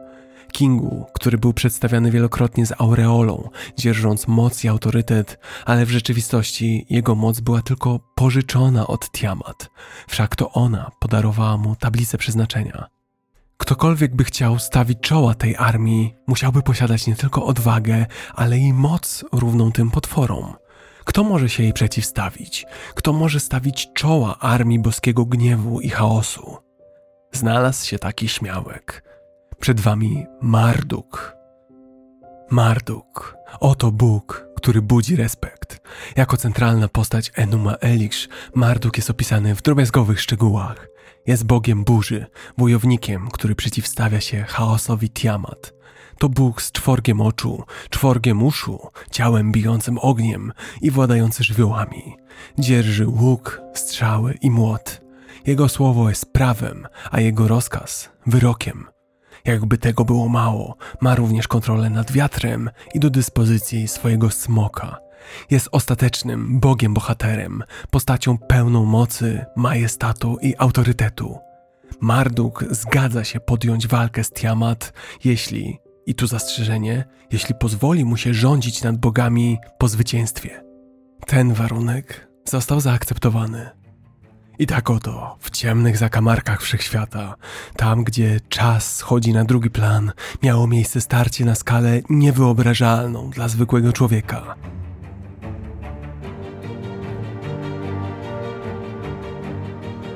Wyobraźcie sobie Marduka, boga burz, stojącego naprzeciw olbrzymiej Tiamat. Wszystko to na tle oszałamiającej przestrzeni kosmicznej, gdzie każdy ruch, każda iskra energii czekały na dalsze losy świata. Marduk niesie ze sobą cały arsenał. Łuk, strzały, młot, sieć. Wydaje się być gotowy na wszystko – ale to, co czyni go wyjątkowym, to nie tylko jego uzbrojenie, ale także władza nad wiatrem. I gdy z całą mocą wzywa żywioły, to to, co widzimy, to siła tak ogromna, że wydaje się, że sam wszechświat wstrzymał oddech. Wiatr otacza Tiamat, osacza ją, wypełnia jej wnętrze. Takie spektakle siły, moi drodzy, nie są często widziane, nawet w annałach boskiej historii. A potem w jednym decydującym, elektryzującym momencie Marduk wyciąga łuki strzałę, celuje prosto w serce chaosu i przeszywa Tiamat. Ten moment jest kluczem do zrozumienia tej historii. To nie tylko bitwa, to przejście, metamorfoza, to kosmiczna zmiana warty – to opowieść, która podkreśla moment, w którym Marduk, reprezentujący młodsze pokolenie bogów i nowy porządek, dosłownie dzieli i podbija starożytne siły chaosu symbolizowane przez Tiamat. To punkt zwrotny, sygnalizujący powstanie nowego panteonu, nowego światopoglądu i ostatecznie nowej cywilizacji. Czy zgadniecie, co wydarzyło się później? Marduk w majestatycznym geście kreacji kształtuje z ciała Tiamat podstawy naszej egzystencji. Niebo, ziemię, a rzeki, które każdy z nas zna, Tygrys i Eufrat, to łzy samej Tiamat, które przemieniły się w płynne arterie naszego świata. A potem nastąpiła koronacja. Marduk chwyta tablicę przeznaczenia i staje się niekwestionowanym władcą wszechświata. Mogłoby się wydawać, że na tym historia Enuma Elish się kończy, ale ma ona swój ciąg dalszy. Wyjaśnia ona, w jaki sposób ludzie zostali stworzeni z krwi Kingu, próbując zmniejszyć obciążenia bogów i jak powierzono nam obowiązki wcześniej przypisane tym boskim istotom. Dalsze zgłębianie Enuma Elish pozostawiam jednak wam. Enuma Elish to opowieść nie tylko o bogach i bitwach, to opowieść o porządku i chaosie, o tym jak ludzkość otrzymała zadanie utrzymania tego porządku, oddawania czci Bogom i być może zrozumienia naszego miejsca w wielkim kosmicznym projekcie. To echo dawnego świata, echo, które wciąż rozbrzmiewa w sercach ludzkich cywilizacji. A mówiąc o ludzkim i boskim dramacie, żadna dyskusja na temat mitologii mezopotamskiej nie byłaby kompletna bez zagłębienia się w ponadczasową opowieść o Gilgameszu. Epos ten, wyryty pismem klinowym na starożytnych glinianych tabliczkach, jest nie tylko najwcześniejszym zachowanym dziełem literackim, to także głęboka eksploracja heroizmu, przyjaźni, straty i ludzkiego dążenia do nieśmiertelności. Zapraszam Was zatem na epos o Gilgameszu.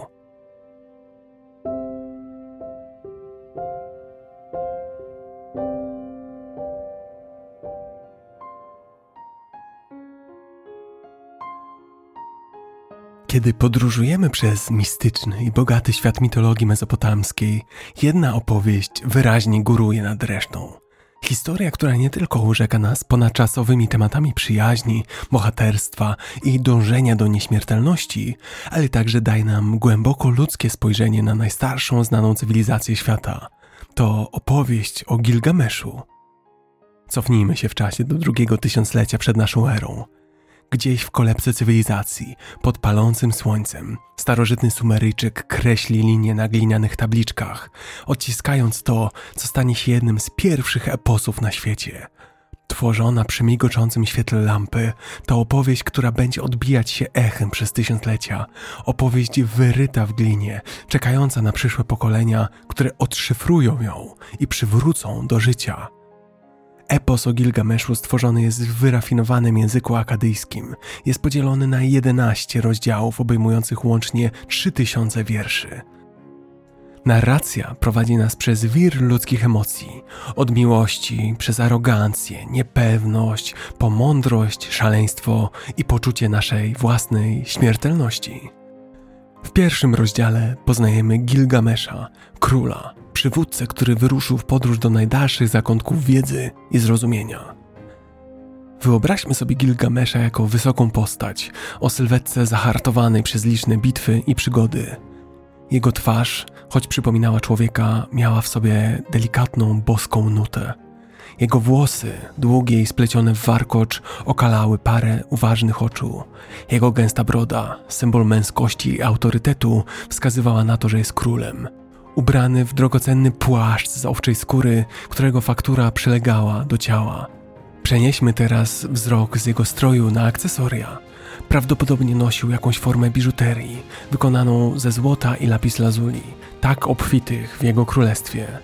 Czy to jego królewskie szaty, czy biżuteria świadcząca o statusie, wszystko w nim emanuje władzą. Nasza podróż prowadzi nas do wspaniałego miasta Uruk, którego imponujące mury zostały wykonane rękoma samego Gilgamesza. To miasto to serce starożytnej Sumerii, dzisiejszego południowego Iraku. To miejsce, które niegdyś nie miało sobie równych w starożytnym świecie. Ale wraz z wielkością przychodzi pycha. A pycha? Cóż, pycha często kroczy przed upadkiem.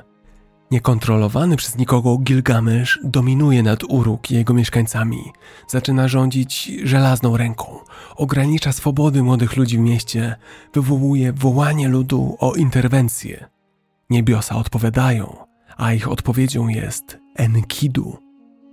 Enkidu jest przedstawiany jako dziki człowiek, stworzenie z dziczy przed cywilizacją. Epos żywo opisuje jego ciało jako pokryte włosami, co ma odzwierciedlać jego dziką, nieokiełznaną naturę. Daje nam to obraz Enkidu jako postaci surowej, nieskażonej siły, istoty ukształtowanej bardziej przez naturę niż przez społeczeństwo.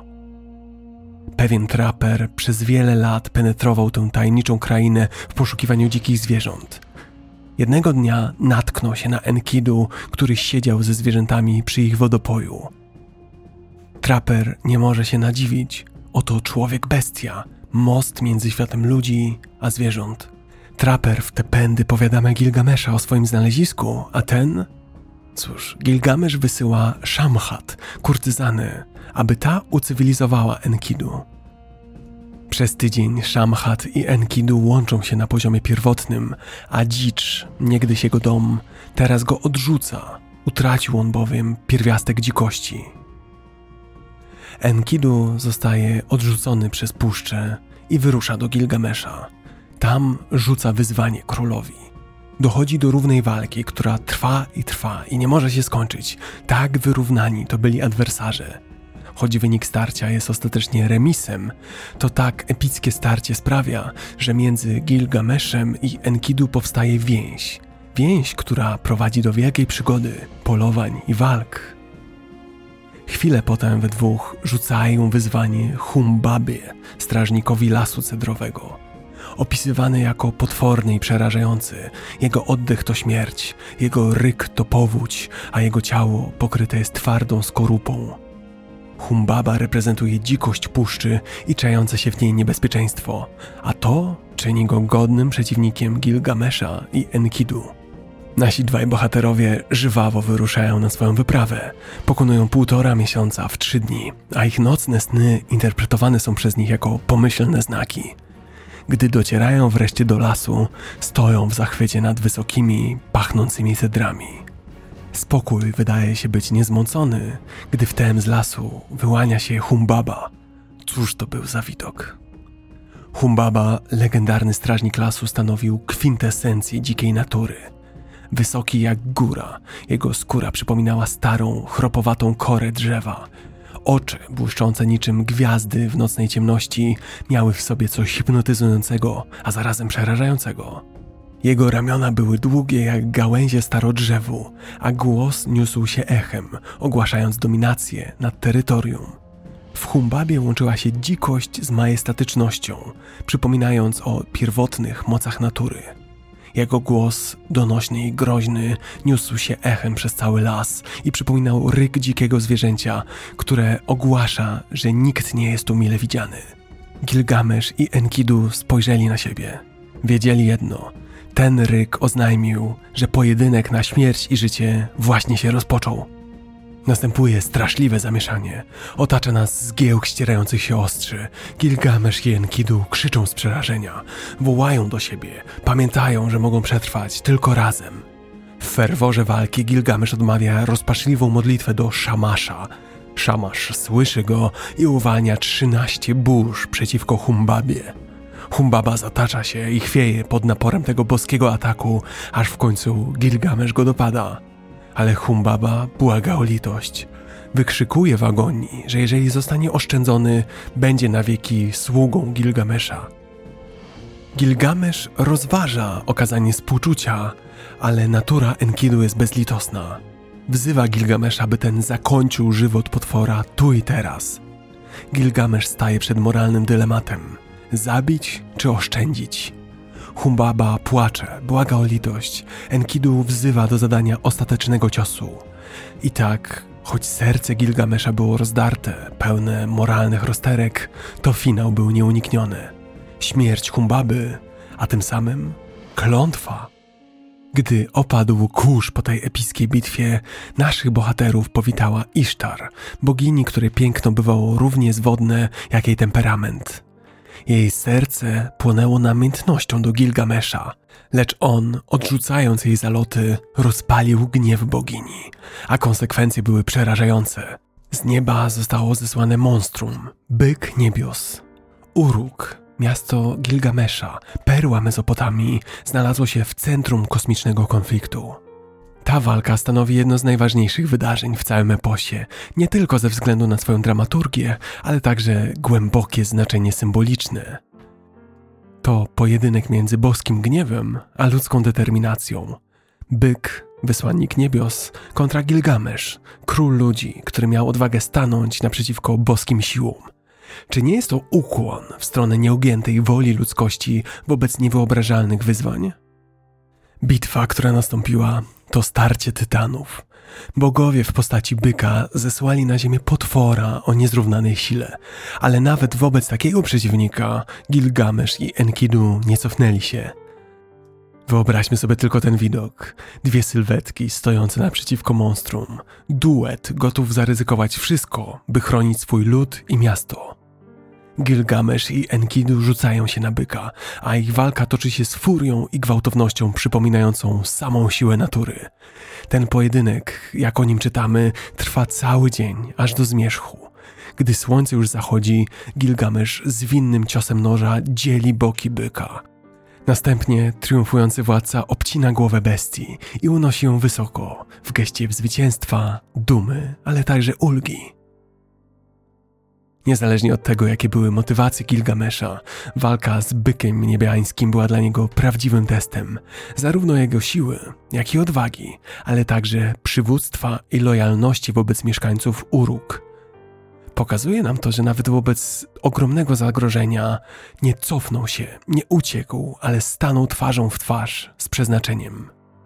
Lecz historia nie kończy się w tym miejscu. Jak wszystkie wielkie eposy, kryje w sobie również lekcje przestrogi, Enkidu, stworzony przez bogów jako dzikus i przyjaciel Gilgamesza, dotąd dokonał z nim wielu czynów, które rozgniewały bóstwa. Zabicie byka niebiańskiego przelało czarę goryczy. Byk ten został przecież zesłany przez boginię Isztar po tym, jak Gilgamesz odrzucił jej zaloty. Zamiast przyjąć konsekwencje zesłania byka na uruk, zamiast pokornie przyjąć karę, Gilgamesz z Enkidu pokonał to stworzenie. Bogowie, patrzący z góry na ludzkie poczynania, nie pozostali obojętni na tę zniewagę. Isztar w swoim dostojeństwie wołała o sprawiedliwość, a chór bogów, falując w dyskusji, doszedł do porozumienia. Stwierdzili, że za taki akt zuchwałości zapłacą bohaterowie. I tak Enkidu został wybrany jako ten, który miał zapłacić najwyższą cenę. Enkidu doświadcza wizji bogów, którzy postanawiają ukarać go za arogancję i zuchwałość ich obojga. Wybraną karą jest śmierć Enkidu. Rozpoczyna to część eposu wypełnioną smutkiem, żalem i strachem przed śmiertelnością. Druh Gilgamesza doznaje koszmarnych wizji. Jego umysł targa rozpacz, jego ciało wypełnia ból. Leży uwięziony w swojej doczesności, osłabiony, ale z jasnością widzi czekającego piekło podziemia. Gilgamesz może tylko patrzeć na jego długie cierpienia i wreszcie, niestety, agonię. Wówczas doznaje przemiany duchowej. Serce króla dotąd było niewzruszone jak skała, ale teraz śmierć Enkidu zaczyna ją kruszyć. Ujawnia się prawdziwe oblicze Gilgamesza, człowieka rozdartego między żalem a strachem, człowieka, który dostrzega to, co wszyscy wiemy, ale o czym wolimy nie pamiętać, że każdy z nas kiedyś umrze i że śmierć nigdy nie przychodzi w dobrym momencie. Gilgamesz opłakuje swojego przyjaciela, jednocześnie zdając sobie sprawę z nowej rzeczy, z własnej śmiertelności. Wyrusza więc w podróż na kraniec świata, aby odnaleźć Utna Pishtima, jedynego człowieka obdarzonego przez bogów wiecznym życiem. Gilgamesz chce poznać sekret Utnapishtima. Aby do niego dotrzeć, musi jednak przejść przez górę strzeżoną przez istoty skorpiony, a następnie przekroczyć wody śmierci. Czy to nie symboliczny sposób przedstawienia strachu przed nieznanym, który każdy z nas musi pokonać, idąc ścieżką odkrywania siebie? Ostatecznie Gilgamesz przekracza góry i spotyka Siduri, boską karczmarkę. Ta radzi mu porzucić poszukiwania nieśmiertelności i cieszyć życiem, póki trwa. Zwracam tu Waszą uwagę na ten fragment, na ten pogląd, aby cieszyć się chwilą, aby nie szukać niemożliwego, to znany motyw ze starożytnych filozofii wielu regionów. Gilgamesz jednak upiera się przy swoich poszukiwaniach nieśmiertelności. Udaje mu się przekonać przewoźnika, aby pomógł mu przekroczyć wody śmierci. Po wielu dniach w końcu dociera do Utna Pishtima. Gilgamesz błaga go o pomoc, a ten ten opowiada mu swoją własną historię, opowieść uderzająco podobną do biblijnego opisu Arki Noego. Wielka powódź miała wkrótce zniszczyć ludzkość. Bóg Enki przemówił do Utnapishtima we śnie, nakazał mu zbudować statek i zabrać ze sobą po parze z każdego gatunku zwierząt. Utnapishtim, wierząc w boski plan, zebrał wszystko, co potrzebne do zbudowania arki: drewno, smołę, ludzi do pracy. Z determinacją człowieka stojącego u progu apokalipsy zbudował wielki statek. Kiedy nadszedł czas, Deszcz zaczął padać. Nie była to zwyczajna ulewa, to wściekłe, bezwzględne szaleństwo natury, które przez 40 dni i nocy zalewało ziemię, zatapiając wszystko, co było żywe. Utna Pisztim wraz z rodziną i zwierzętami schronił się we wnętrzu statku, podczas gdy świat na zewnątrz tonął. Kiedy w końcu deszcz przestał padać, nie było widać nawet skrawka suchej ziemi – Utnapishtim wysłał gołębia, by sprawdzić, czy gdzieś woda opadła. Gołąb powrócił. To znaczyło, że nie znalazł miejsca na lądowanie. Później wysłał jaskółkę, która również powróciła, zwiastując, że wody dalej nie opadły. W końcu Utnapishtim wysłał kruka. Kruk znalazł suchy grunt i nie powrócił na statek. Utnapishtim zrozumiał, że ziemia jest na nowo dostępna dla ludzi. Kiedy Utnapishtim i jego rodzina w końcu zacumowali i opuścili statek, złożyli ofiarę bogom. Bóg Enlil, zaskoczony, że jakiś człowiek przeżył, początkowo był zły, ale zobaczył oddanie Utnapishtima i obdarzył go i jego żonę wiecznym życiem. Sprawił, że stali się niemal jak bogowie, nieśmiertelni. I tak oto Utnapishtim, przeżywając potop i będąc świadkiem zniszczenia całego świata, osiągnął nieśmiertelność. Dar, który był wyjątkowy i niepowtarzalny. Dar, który jednak nie mógł być przekazany dalej, nawet królowi wielkiemu, jak Gilgamesz. Gilgamesz był zrozgotany. Pomimo całej wyprawy nie udało mu się uzyskać nieśmiertelności. Nieśmiertelność była wyjątkowym darem, nieprzeznaczonym do dzielenia się z żadnym śmiertelnikiem. Utnapishtim, choć nie mógł podzielić się tajemnicą nieśmiertelności, obdarzył Gilgamesza inną nadzieją. Powiedział mu o roślinie rosnącej na dnie oceanu, roślinie, która miała moc przywracania młodości. Ulga wypełniła Gilgamesza, gdy usłyszał te słowa. Faktycznie, może nie osiągnie nieśmiertelności, ale przynajmniej pokona proces starzenia. Gilgamesz przypasa kamienie, które będą go ciągnąć w dół, wskakuje do wody i opada w głębiny. Przez moment na dnie oceanu zapomina o strachu i smutku. Dostrzega roślinę, której kolczaste liście cięły mu dłonie, ale która obiecywała tak wiele. Szczęśliwy wraca na powierzchnię, trzymając roślinę w garści, triumfalny. Gilgamesz postanowił nie spożywać jej od razu, ale zabrać ją do Uruk i podzielić się jej mocą z mieszkańcami swojego miasta – ale jak to często bywa w życiu, niespodziewane komplikacje mogą pojawić się nagle. Gdy Gilgamesz kąpał się po drodze w stawie, zapach rośliny zwabił węża.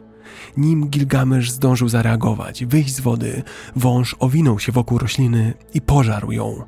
Po jej zjedzeniu wąż zrzucił swoją starą skórę i odnowił się na jego oczach. Jak wiecie, węże do dziś dzień robią dokładnie to samo. Zrzucają starą skórę i odziewają się w nową, młodszą. Strata rośliny była bolesnym ciosem dla Gilgamesza. Była symbolicznym przypomnieniem, że czas nie jest łaskawy, że nawet najsilniejsi, najzdrowsi wśród nas nie mogą uciec od nieuniknionego, od starzenia się i od śmierci. To był ostatni rozdział w podróży Gilgamesza, której finał uzmysłowił mu, że najważniejsze jest docenianie chwil, które mamy, które są tu i teraz. Historia Gilgamesza, choć osadzona w czasach, kiedy świat był inny niż ten, który dziś znamy, wciąż przemawia do nas, do ludzi XXI wieku. Wyłania się z niej uniwersalny przekaz o tym, jak kruche jest ludzkie życie, jak ulotne są nasze marzenia, ale też jak cenne są chwile, które przeżywamy. Współczesność wypełniona jest technologią, postępem, niezliczoną ilością możliwości. Ale czy naprawdę jesteśmy wolni? Czy możemy uniknąć tego, co nieuniknione? Czy jesteśmy w stanie zatrzymać czas, który płynie nieubłaganie, odbiera nam młodość, energię, bliskich?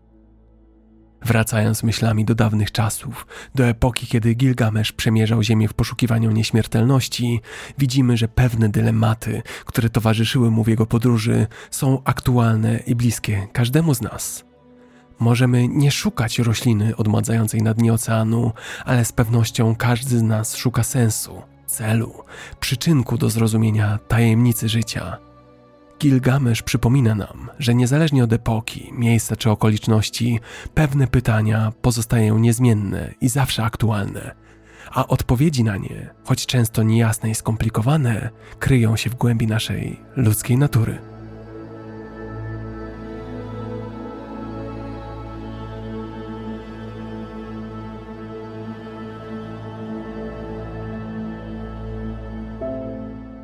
I tak oto, moi drodzy, przemierzyliśmy rozległe krajobrazy ludzkiej wyobraźni i historii.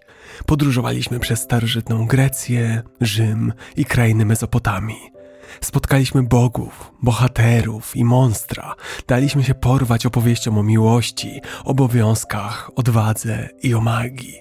Doświadczyliśmy barwnego świata mitologii, tak różnorodnego jak cywilizacje, które dały mu początek.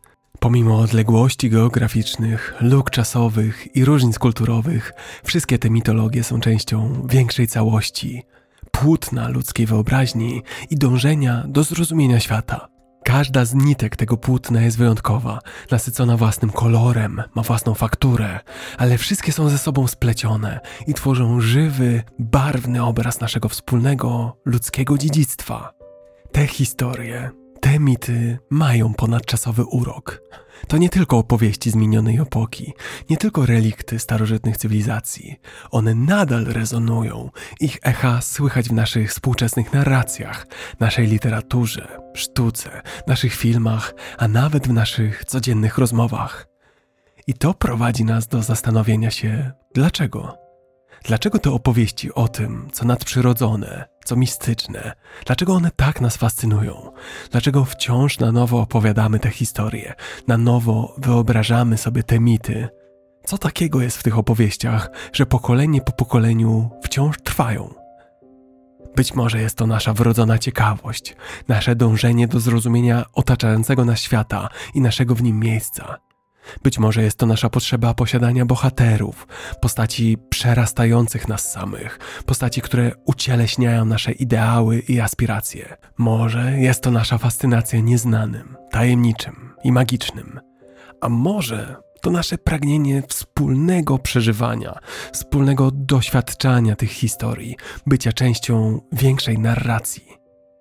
Niezależnie od powodu, jedno jest pewne: te mity, te opowieści o bogach i bohaterach, o miłości i obowiązku, o magii i zjawiskach nadprzyrodzonych są czymś więcej niż tylko historiami.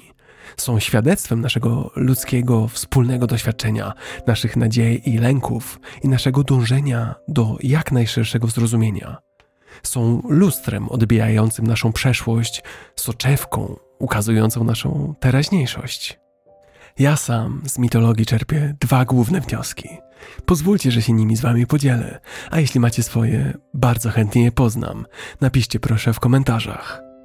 Po pierwsze, niezależnie od tego, jak odległe lub fantastyczne mogą wydawać się owe historie, zawsze są o nas, o ludziach, o naszych marzeniach i strachach, naszych nadziejach i pragnieniach.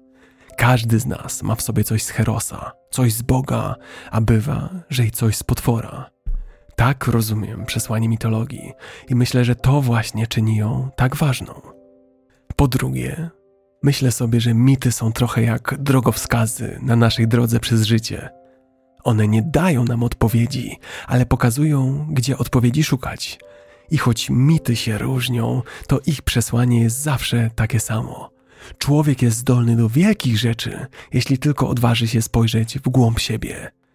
Więc, moi drodzy, nie przestawajcie szukać, nie przestawajcie odkrywać i przede wszystkim nie przestawajcie poznawać tych starych opowieści. One mają do przekazania więcej, niż moglibyśmy przypuszczać.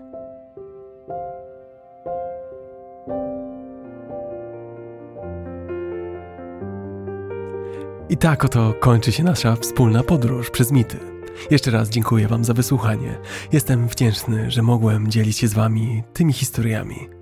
Jeszcze raz chciałbym przypomnieć o ofercie, o której już wspominałem. Jeśli macie ochotę zanurzyć się w świecie audiobooków, BookBeat daje Wam niepowtarzalną okazję.